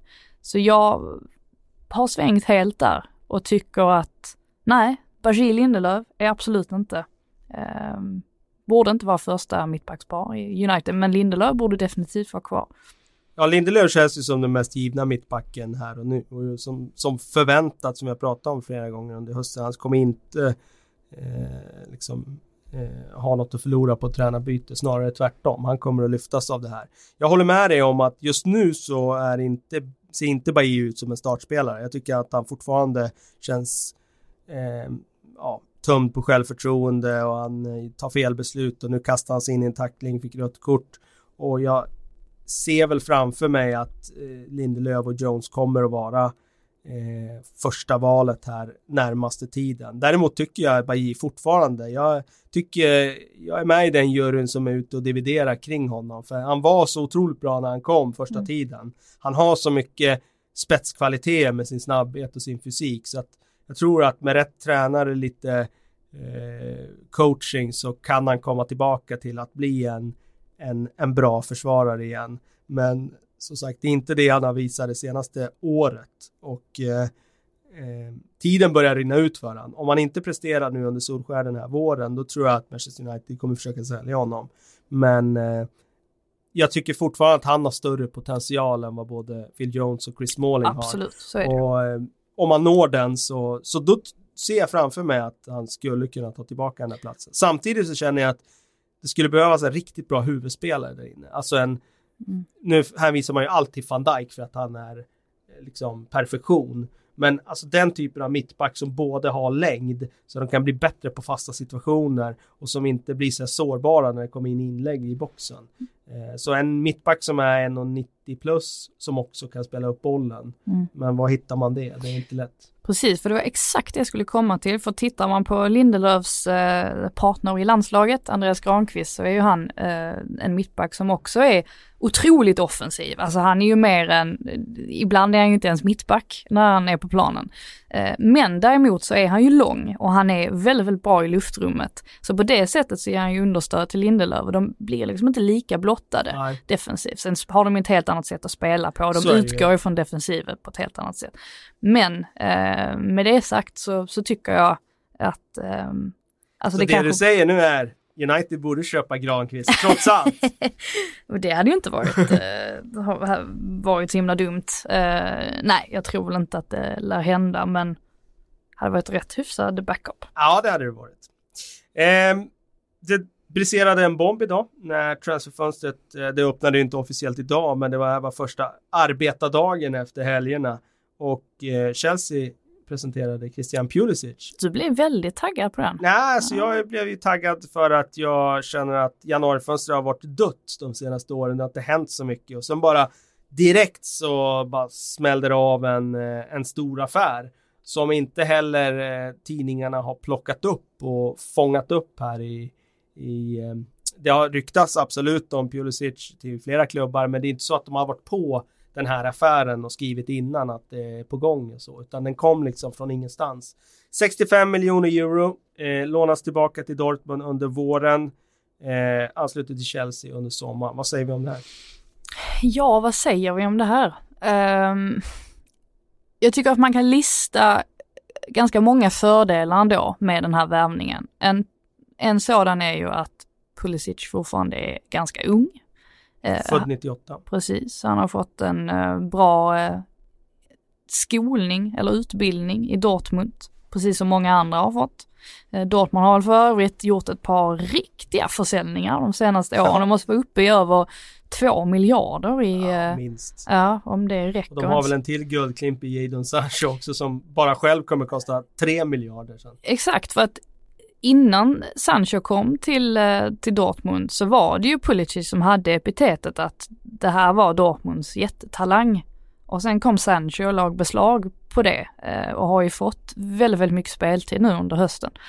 Ehm, men det lär ju finnas potential i Pulisic Eh, trots allt, trots att Jadon Sancho har sett så formidabel ut. Alltså det säger ju inte att Pulisic eh, är en sådär jättemycket sämre spelare. Det säger ju bara ja, Det är ju hård har... konkurrens ja. i Dortmund, så är det ju. Eh, plus att han ses ju också, alltså hemma i USA så ses han ju på något sätt som den spelaren som ska eh, alltså föra upp saker på tapeten igen. För att det har ju legat lite på isen då i, ehm, i USA, alltså med fotbollen. Så att de har ju otroligt stora förhoppningar. Så att rent varumärkesmässigt tror jag väl också att det kan vara en väldigt bra värvning eh, för Chelsea.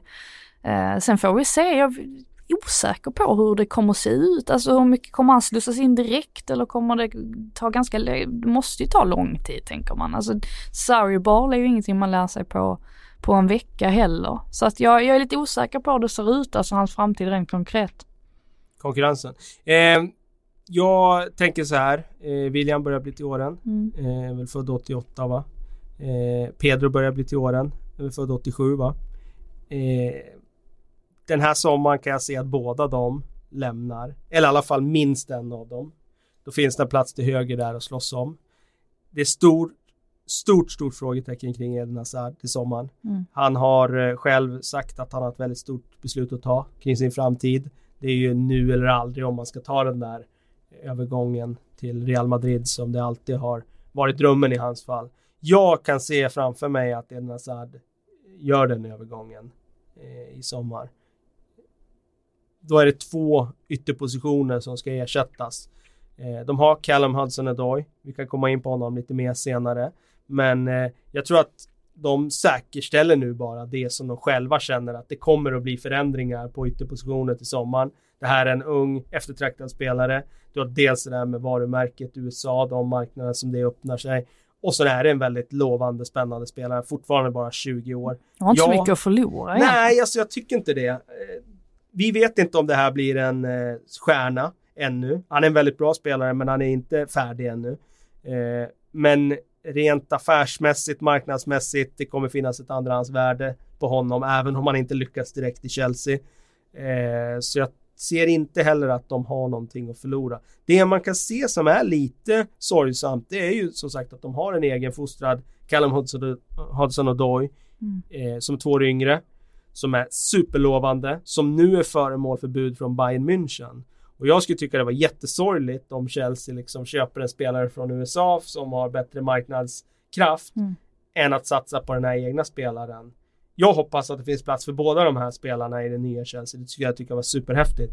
Men jag är rädd för att Odoi kommer att i alla fall påverkas av den här eh, övergången. Jag det, hoppas jag har fel. Det är lite den känslan man har kring Loftus Cheek också, tycker jag. Alltså generellt. Att mm. man, man hoppas liksom på att han att han kommer lyckas där just av den anledningen att man har den här man är ju lite sentimental mm. som fotbollstittare. Man vill, man vill ju inte att allting bara ska vara pengar och, och liksom marknadsstrategier och, och sådär.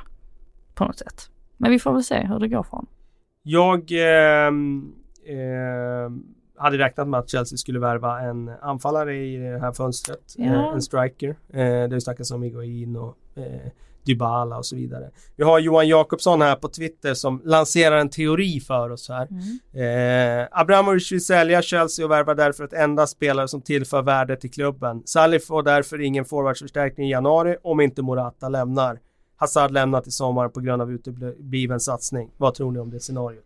Ja, jag, jag kan se det. Mm. Alltså framför mig att eh, Chelsea, inte bara Abramovic tänker så utan Chelsea tänker så många andra klubbar att Mm. eh, inte köpa spelare som inte har andrahandsvärde.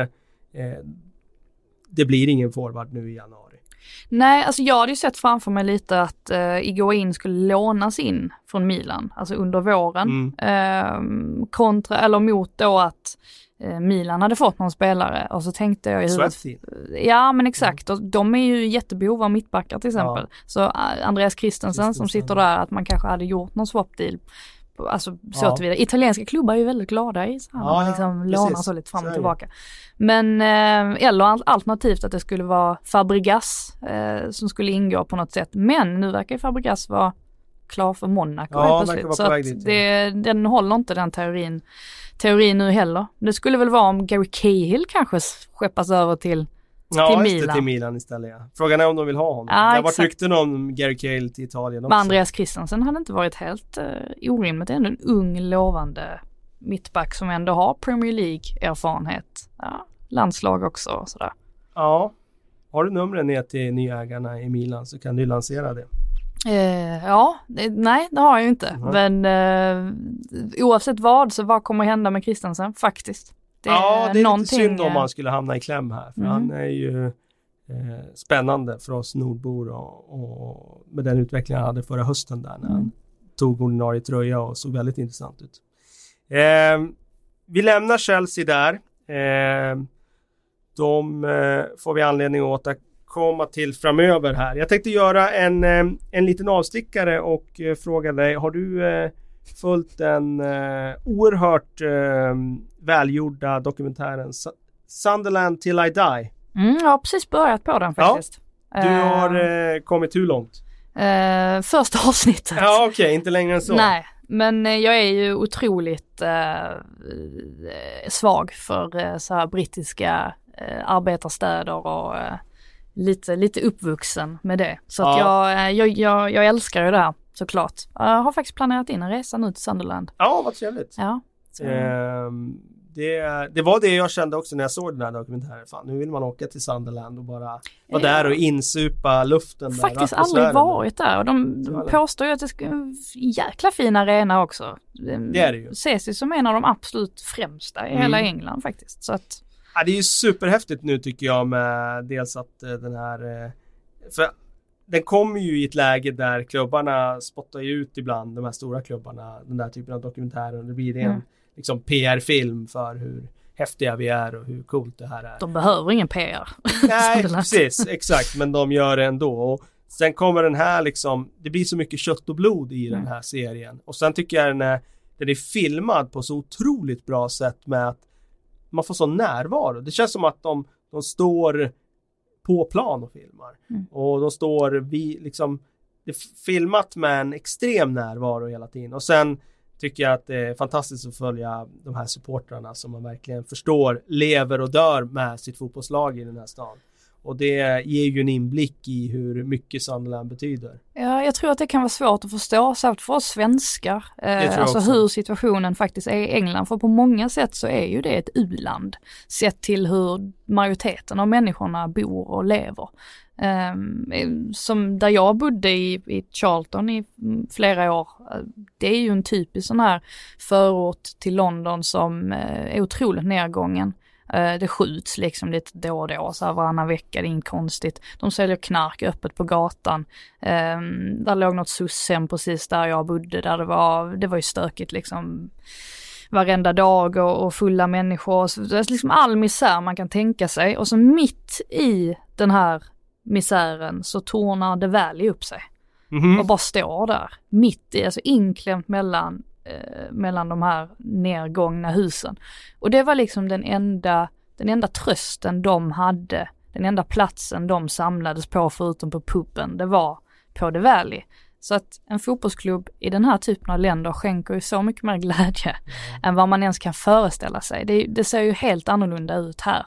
Jag tänker på mm, liksom Kalmar som kanske har svårt att dra mycket publik. Vad är det för typ av folk som, som går dit där? Ja, men jag tror inte att människor, människor i Kalmar har det nog ganska gott ställt rent generellt, alltså kontra många städer i England. Så är det ju. Medelklassen här har det ju betydligt bättre än i, i England och jag menar, bara man följer de som porträtteras i den här serien.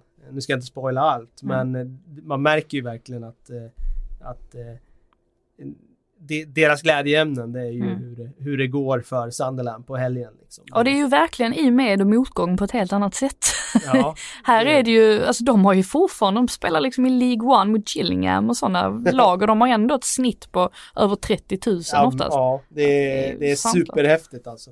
Eh, de eh, åkte ur Premier League rasade rakt igenom Championship. Jag fick fel. Jag ska eh, verkligen hålla upp händerna och säga jag tänkte att det kanske är bra för Sunderland att åka ur ett renings, mm. liksom stålbad. Eh, det var inte rätt, utan det var eh, allt annat än det rätta. Det blev eh, egentligen bara, misären blev ännu värre. Nu är de i toppen av eh, League One. De har en eh, ny tränare till den här säsongen. Chris Coleman fick inte fortsätta utan det blev Jack Ross från eh, skotska St. Mirren som fick eh, förtroendet. Eh, verkar vara en väldigt skicklig tränare av det jag har läst mig till och liksom försökt läsa mellan raderna. Ligger just nu på tredje plats, sju poäng efter Portsmouth som leder League One. Eh, det blir oerhört spännande att följa Sunderlands öden under våren här och se om de kan kämpa mm. sig tillbaka till Championship åtminstone. Jag unnar folket i Sunderland som vi fick följa i den här dokumentären eh, en uppflyttning. Och jag rekommenderar starkt till er som lyssnar på det här att eh, kolla in den dokumentären för den är verkligen värd mm. sina åtta avsnitt. Vi måste verkligen eh, bara köra en snabb shoutout till Steven Gerrard också. Ja! Som eh, är på väg att föra Rangers mot i alla fall en fin andra plats. Ja, det ska krävas mycket för att man ska uh, vinna, vinna titeln. Men jag menar bara att man går och vinner ett Old Firm mot Celtic är otroligt anmärkningsvärt. Ja, väldigt roligt. Jag såg den matchen faktiskt. Eh, det är kul med skotsk fotboll när eh, det är Old Firm eh, mm. och mycket känslor, mycket kamp och det verkar som att Rangers är i alla fall på benen efter sina extremt tuffa år och sin ombyggnadsperiod och att de har någonting på gång där under Steven Gerrard. Lite mer spännande liksom. Ja, precis. Så är det ju. Eh, det har ju varit ganska avgjort där senaste åren. Eh, jag kollade på en annan eh, ung engelsk tränare så sent som i eh, kollade faktiskt på Derby. Mm -hmm. mm. Då undrar du varför kollar jag Nej, på Derby? Jag vet, det vet jag ju. Eh, det är för att Frank, Frank Lampard. Lampard är tränare i Derby. Och Derby har ju eh, haft eh, en ganska bra säsong hittills. Slog ut Manchester United i ligacupen. En rejäl skarp skalp. Mm. Eh, och igår skulle de möta Middlesbrough. Och jag tänkte att det kan vara spännande att se de här lagen. Middlesbrough var ju Premier League för inte så länge sedan. Derby som kommer med liksom eh, fart eh, i form av Lampard och ett ungt manskap. Så var, jag kan bara göra en snabb genomgång av att eh, jag gillade det jag såg av Derby. Eh, Lampard har byggt ett spelande lag med Mason Mount, den eh, Chelsea-fostrade eh, unge offensiva mittfältaren som mittfältsnav. Jag såg ju Mason Mount för drygt två år sedan på Tibblevallen i Täby när det var U17-landskamp mellan Sverige och England. Och den gången så överglänste han den dåvarande stora stjärnan Jonathan Leko som eh, spelade i West Bromwich som redan då hade debuterat i Premier League. Eh, men Mason Mount var planens absolut bästa spelare och numera huserar han i Derby. Eh, jag tror att det är en spelare som kommer att eh, komma till Premier League förr eller senare. Jag är inte säker på att han kommer ta Premier League med storm, men jag tror att han kommer bli en sån där spelare som vi kommer gilla. Det är att han kommer upp eh, till Premier League. Han har väldigt mycket kvalitet på offensiv tredjedel. Han kan göra saker. Så kanske han inte har den där riktiga kvaliteten för att kunna bli en stjärna i Premier League. Men vi kommer gilla honom för han kommer bjuda på de där enstaka matcherna när allt fungerar för honom. Mm. Så kommer det en Will Huge eller en... Eh, alltså någon... Ja, ja, inte Catermole. inte, ja, nu, nu är vi på andra sidan av spektrat ska jag säga. Catermole har ju en väldigt framträdande roll i dokumentären förresten så att mm. eh, Patrik Syk kommer gilla eh, Sunderland till I die definitivt. Men visst finns Harry Wilson också i Derby va? Ja, stämmer. Också Han gjorde spännande. målet. Eh, mm. Mycket spännande spelare. Mm. Gjorde målet, 1-0 målet tidigt i matchen.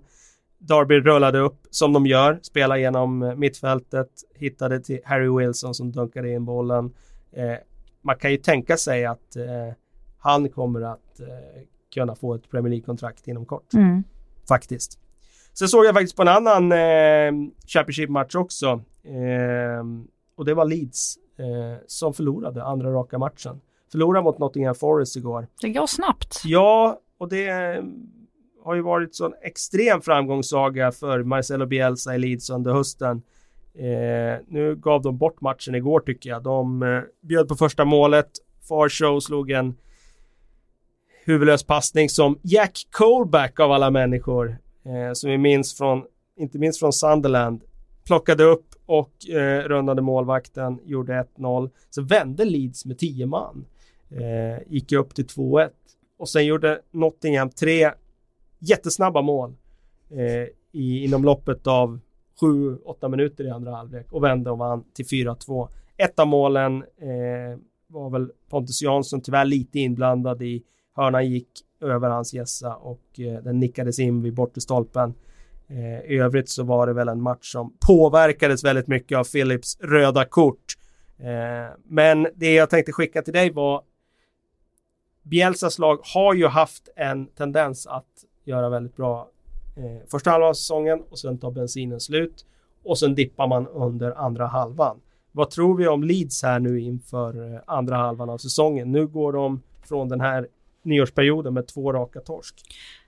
Han är ju väldigt speciell onekligen. Han pratar inte engelska exempelvis. Bara det är ju otroligt märkligt på, på sätt och vis att man står med tolkar på träningsplanen och sådär. Men så länge man har spelargruppen med sig så blir det ju inga problem. Och med tanke på alltså vilka lovord som har sköljts över honom, alltså från just spelarna och inte minst då vad Pontus Jansson har sagt, så, så känns det som att så länge han har den typen av förtroende och ses som en, nästan en typ av, ja men han är den bästa tränaren jag någonsin har haft. Alltså så länge, så länge den stämningen är i gruppen så tror jag inte det är något problem. Sen vet vi att Bielsa helt plötsligt en dag Alltså han hade ju lika, han kunde slänga anteckningarna på planen och sagt jag slutar och går därifrån liksom. Ja, det... eh, och han får väl ett gäng sådana utbrott då och då när allting inte är perfekt. Eh, men så länge han har spelarna med sig så, så tror jag nog att de kan ta klivet upp till, till Premier League i alla fall. Eh, de leder väl fortfarande tabellen nu. Leder fortfarande tabellen. Eh, det är också, tätt där uppe dock. Det är tätt där uppe, men de har fortfarande första platsen och det är ändå en bit ner nu till lagen som är utanför playoff. Så att, att de... Det, det är de lagen, känns det som, som kommer att vara där uppe som är där nu. Även om det här är ett maraton och mycket kan hända och så vidare. Så de kommer att vara där och slåss om första, andra eller tredje platsen i värsta fall. Då. Mm. Eh, kul att se Bielsa släpper fram Jack Clark, 18 år igår, gjorde mål, sköt ett skott som svepte förbi krysset, såg väldigt intressant ut en ytter. Så att han eh, har ju, förutom att han har byggt ett väldigt sevärt spel och högintensiv fotboll och så vidare, så verkar han inte rädd för att släppa fram de unga heller. Nej, är det någon tränare jag skulle vilja lobotomera så är det nog Bielsa faktiskt. Alltså bara se, alltså den fotbollshjärnan, mm. den verkar ju vara någonting otroligt unikt. Ja, så är det nog. Eh, det, det Kanske märkligt att säga att man vill lobotomera någon, men alltså det är just för att där är, ja, att han det är ju lite, det är ju Guardiola fast en extrem version av Guardiola nästan. Ja, eh, eh verkligen. Kan jag faktiskt bara som skjuta in en liten eh, intressant spaning. Det var att jag såg ju Leeds och Derby eh, med granskande ögon igår och det var intressant att Derby använde den sortens mittfältsrotationer som Bielsa har gjort sig känd för. Han har ju varit eh, väldigt stor liksom symbol, eller så ska jag inte säga. Det, det är liksom... Allt, ja, alltså han har ju alltid liksom eh, eh, beskrivits i tränarforum eh, liksom som eh, att han står för de här mittfältsrotationerna. Eh, väldigt mycket platsbyten mellan centrala mittfältet. Så såg jag Derby igår och de var så extremt mycket platsbyten mellan centrala fältare. Så det var nästan som att jag såg Bielsa när jag såg Frank Lampards Derby. Mm. Eh, så Lampard kanske hämtar inspiration av att ha sett Leeds tidigare i säsongen. Det låter jag vara osagt, men det var intressant i alla fall. Nej, det är mycket möjligt. Du, vi har snackat väldigt länge, men vi har en frågedel. Vi ska komma upp i 90 plus 7 tilläggsminuter idag. Jag tror att vi har nått ganska långt på den matchklockan. Ja, det måste men eh, vi har i alla fall några minuter över till frågedel. Så att eh, jag tänkte börja med att eh, fråga dig. Mm. Eh, denna fråga. Kommer Arsenal göra några förstärkningar i truppen under vintern för det bristande försvaret? Rabiot har ryktats i Premier League. Är det värt att ha sådana problemskapare i laget fast de presterar på plan? Den får du börja med. Um, ja, alltså det senaste kring Rabiot var väl att han hade nobbat nobbat, var det Arsenal? Nej, Tottenham måste ha varit. Han nobbade Tottenham och ser väl ut att vilja till La Liga och till Barcelona. Um, och det där är en spelare som, ja visserligen har han ju sett som lite bråkstake, men det är väl för att han har haft ganska så höga krav på sin omgivning också. Jag, jag tycker man har känt det av hans mamma och sådär. Uh, så att jag tror att alltså hamnar han rätt och man får ut absoluta maxpotential av honom, då är det en fantastisk spelare att ha i, ha i laget. Jag tror att han kommer gå väl in i Barcelona också just som håller på med den här generationsväxlingen som de gör. Så han lär nog inte hamna i PL. Vad var den andra frågan? Att det var, ja vi, vi snackar ju lite om Arsenal och spelare de borde plocka in och sådär. Eh, kanske plocka Andreas Christensen då från eh, Chelsea. Ja, Why not? Ja, det hade varit en bra. Skickar Tveksamt man, om Chelsea man, släpper eh, honom till eh, till konkurrenten. Då. Skickar man Giroud kan man väl skicka Kristensen åt andra hållet. Ja, det är väl inget. Fair point, fair point. Ja. Ska jag ta en fråga här nu då kanske? Om du hittar någon bra. Ja, eh, Emil Halvardsson frågar dig, eh, hur hade du som tränare hanterat situationen med Fulhams straff som stals från Mitrovic? Eh, snackas ju nu om att spelaren i fråga, det var väl Kamarava, ja, ska säljas i januari. Hur illa är den sortens händelser?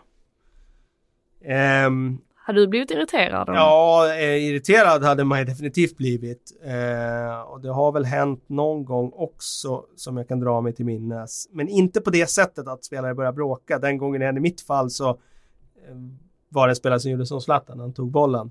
Och sen, eh, men han som skulle slå straffen la sig platt. Och när det inte blir något form av Han var en liten Kim Källström. Ja, precis. Han var, men vår spelare i det fallet protesterade mindre till och med än vad Kim Källström gjorde den gången på Ullevi. Mm. Så att det blev ännu mindre av en grej. Mm. Men mm. det är klart att den gången tog vi upp det och sa att det ska inte ske och det hände inte något mer.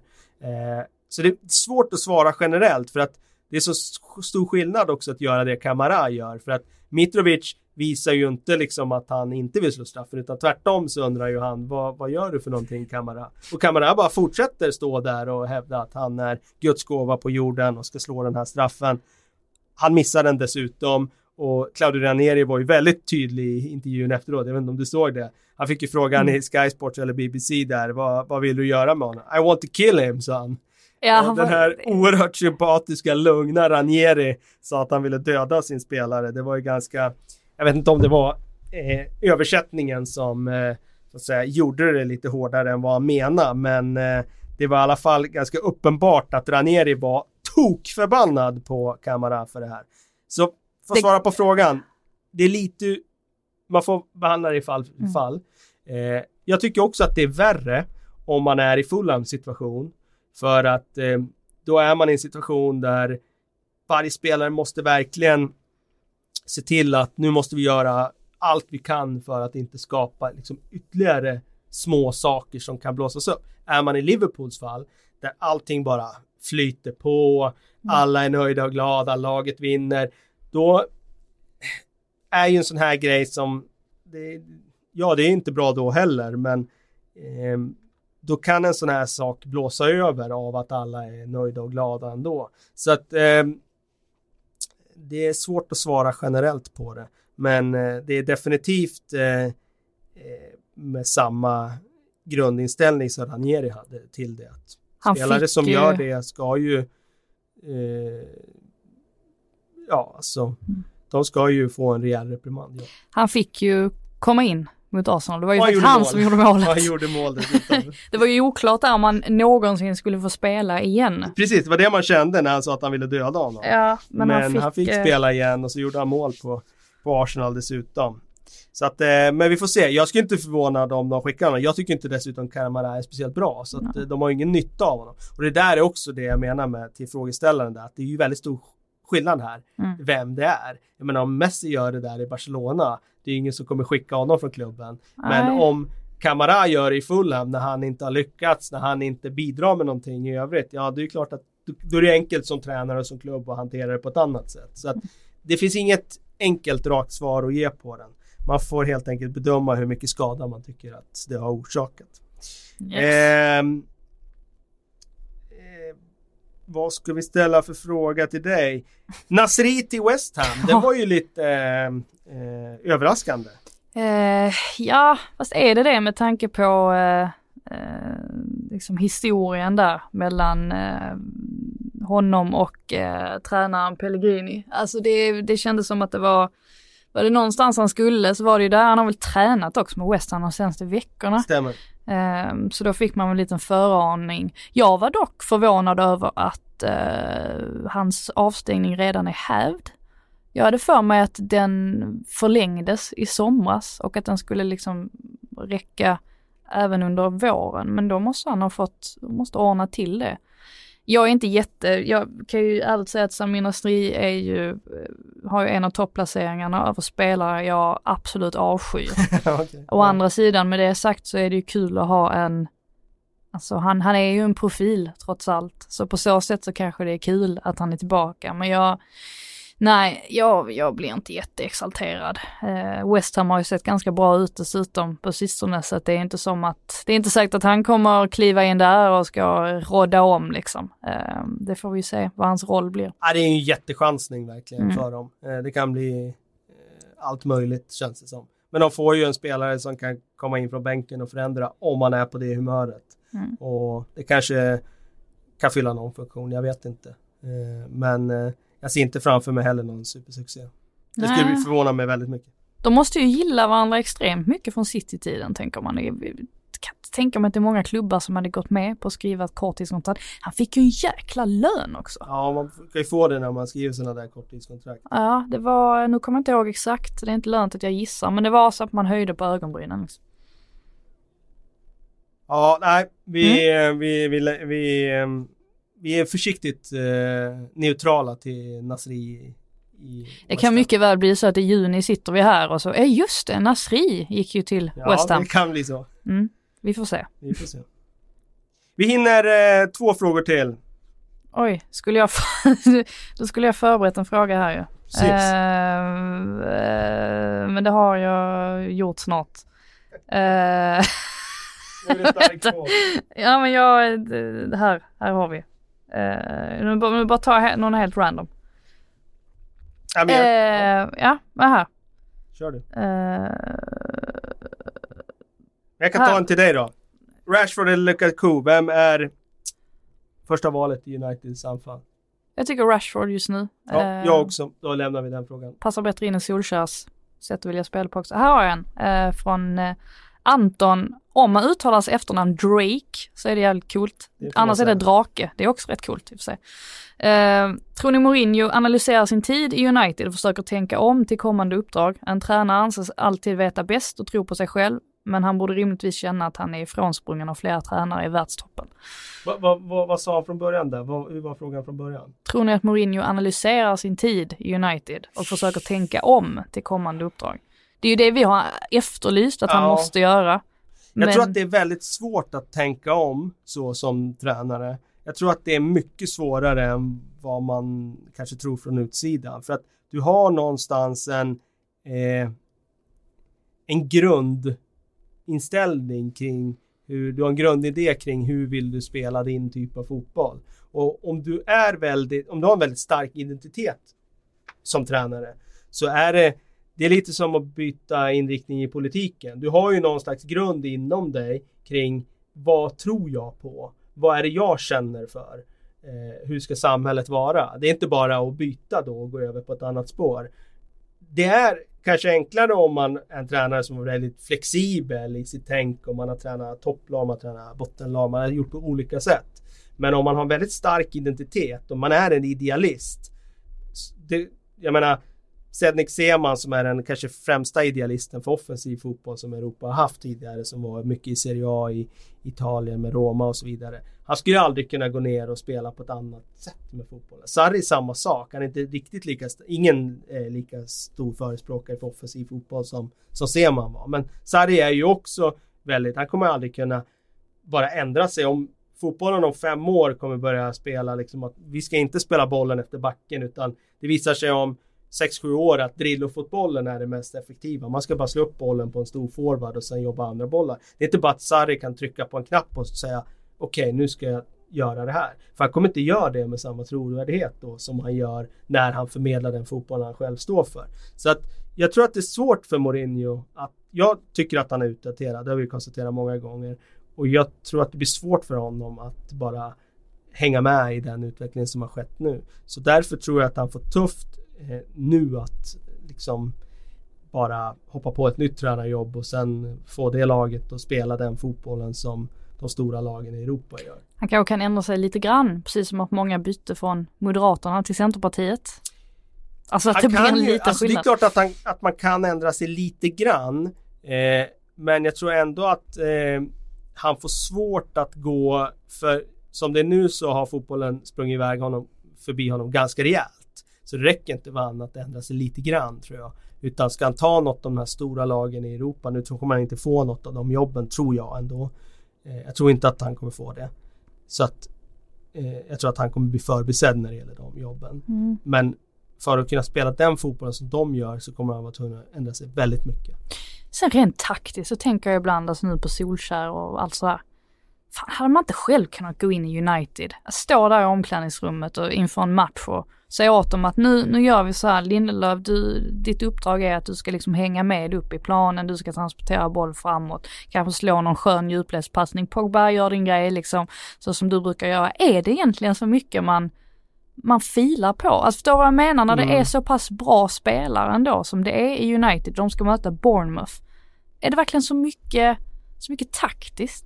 Eh, nej, men det, det är ju en komplicerad diskussion det där också. Nej, mm. det är inte så mycket eh, taktiskt och komplicerat. Men det du får trovärdighet från, det är ju vad du gör på träningsplanen. Mm, du måste förmedla det på träningsplanen på rätt sätt. Mm. Har du inte gjort det, då kommer du inte kunna stå i omklädningsrummet och säga det och få dem att lyssna på det. Det är ju det som är problemet med att när Solskär då kommer in med sin bakgrund i Manchester United. Mm. Han är älskad av fansen, han är jättestor i den klubben, han har gjort det största målet i klubbens historia. Och säger de här sakerna. Så kommer Joe Nobody från gatan och säger exakt samma sak med exakt samma tonläge så kommer inte han få samma acceptans för det. Och skruvar de ner då 10% när de tar in det budskapet, ja men då kanske de inte spelar den fotbollen som har gjort de här matcherna. Men tar de in det här budskapet med att ja, vi tror på det här till 100% då är de kapabla mm. att spela det. det. Så att det blir ändå, det blir i alla fall att eh, jag tror inte han har gjort så stora grejer. Han kanske har gjort en, två grundprinciper som han har satt på plats. Men det är också hur förmedlar du de mm. principerna? Mm. Med vilken trovärdighet förmedlar du de principerna? Och är det de principerna som spelarna själva då tycker att det är just de principerna som, som ger det som det här laget behöver? Det, det, är, lite det, det, det är lite det jag menar också med Solskär, att, att han har gett en psykologisk effekt mm. snarare än någonting annat. Och att det vore ett kolossalt misstag att eventuellt anställa honom permanent för att han är väldigt bra på just den här biten. Men att han kommer aldrig kunna ta United alltså längre än det här. Alltså... Nej, det får vi ju se. Det, mm. Jag håller med dig att det finns en sån risk. Vi får ju se vad han presterar under den här våren. Men jag tror också att en risk för United är om man gör det inte superbra så att de vinner Champions League, för då är det inget mm. problem. Då kommer han ju få mandat automatiskt med att ja, han är Zinedine Zidane light liksom. Han kommer in mitt i säsongen och vinner Champions League och då är det bara att köra på. Men om man gör det bra men inte fenomenalt, då blir det liksom ett, kanske ett litet problem för Manchester United om man ska gå vidare med honom. Mm. Men jag hävdar att som United var nu med all den här eh, superpotentialen som finns i den där offensiven pratar vi om nu. Då hade det räckt för bara en offensiv tränare som kommer in så hade det blivit en automatisk förbättring. Men jag tror inte det hade blivit en förbättring om du tagit in en, en rent defensiv tränare. Då hade det kanske bara blivit några procents förbättring. Det, det har ju blivit en sån förbättring av att han kommer in och gör de förändringarna spelmässigt som spelarna själva tycker att de ska göra. Och några procent också för att han är den han är. Mm. Eh, för det har också skapat en slags eh, känsla hos supportrarna om att det är något positivt som sker. För det märker man ju på matcherna nu. De tror mer på det. Eh, de sjunger mer på matcherna, skapar en inramning nu som inte har varit tidigare. Och det tror jag också gör att Pogba, Martial och de här, de kan inte riktigt gå emot Solskär på samma sätt för att då går de ju emot sina egna fans eftersom fansen står bakom Solskär. På annat sätt än om de hade tagit Jardim som tränare. Har, han hade också stått för en offensiv filosofi men han hade inte haft samma backning av supportrarna. Så där tycker jag nog att det har blivit ett liksom han har tickat många boxar Solskär på de här första veckorna. Sen får vi se vad han gör resten av våren. Vad skönt att vi fick in eh, José Mourinho också en gång i alla fall i podden. Jag var Det ska, nästan vi lite få varje, rädd. det ska vi få varje på. Känns nästan lite jobbigt att inte prata om. Du, den här podden blev extrem lång. Vi får se om vi får kapa i den. Eh, men eh, nu hinner vi definitivt inget Det var allt vi hann. Det var definitivt allt vi hann. Vi tackar för oss. Vi hoppas att Patrik Syk är tillbaka nästa vecka när vi kör igen. Och tills vidare önskar vi er en gott start på det nya året.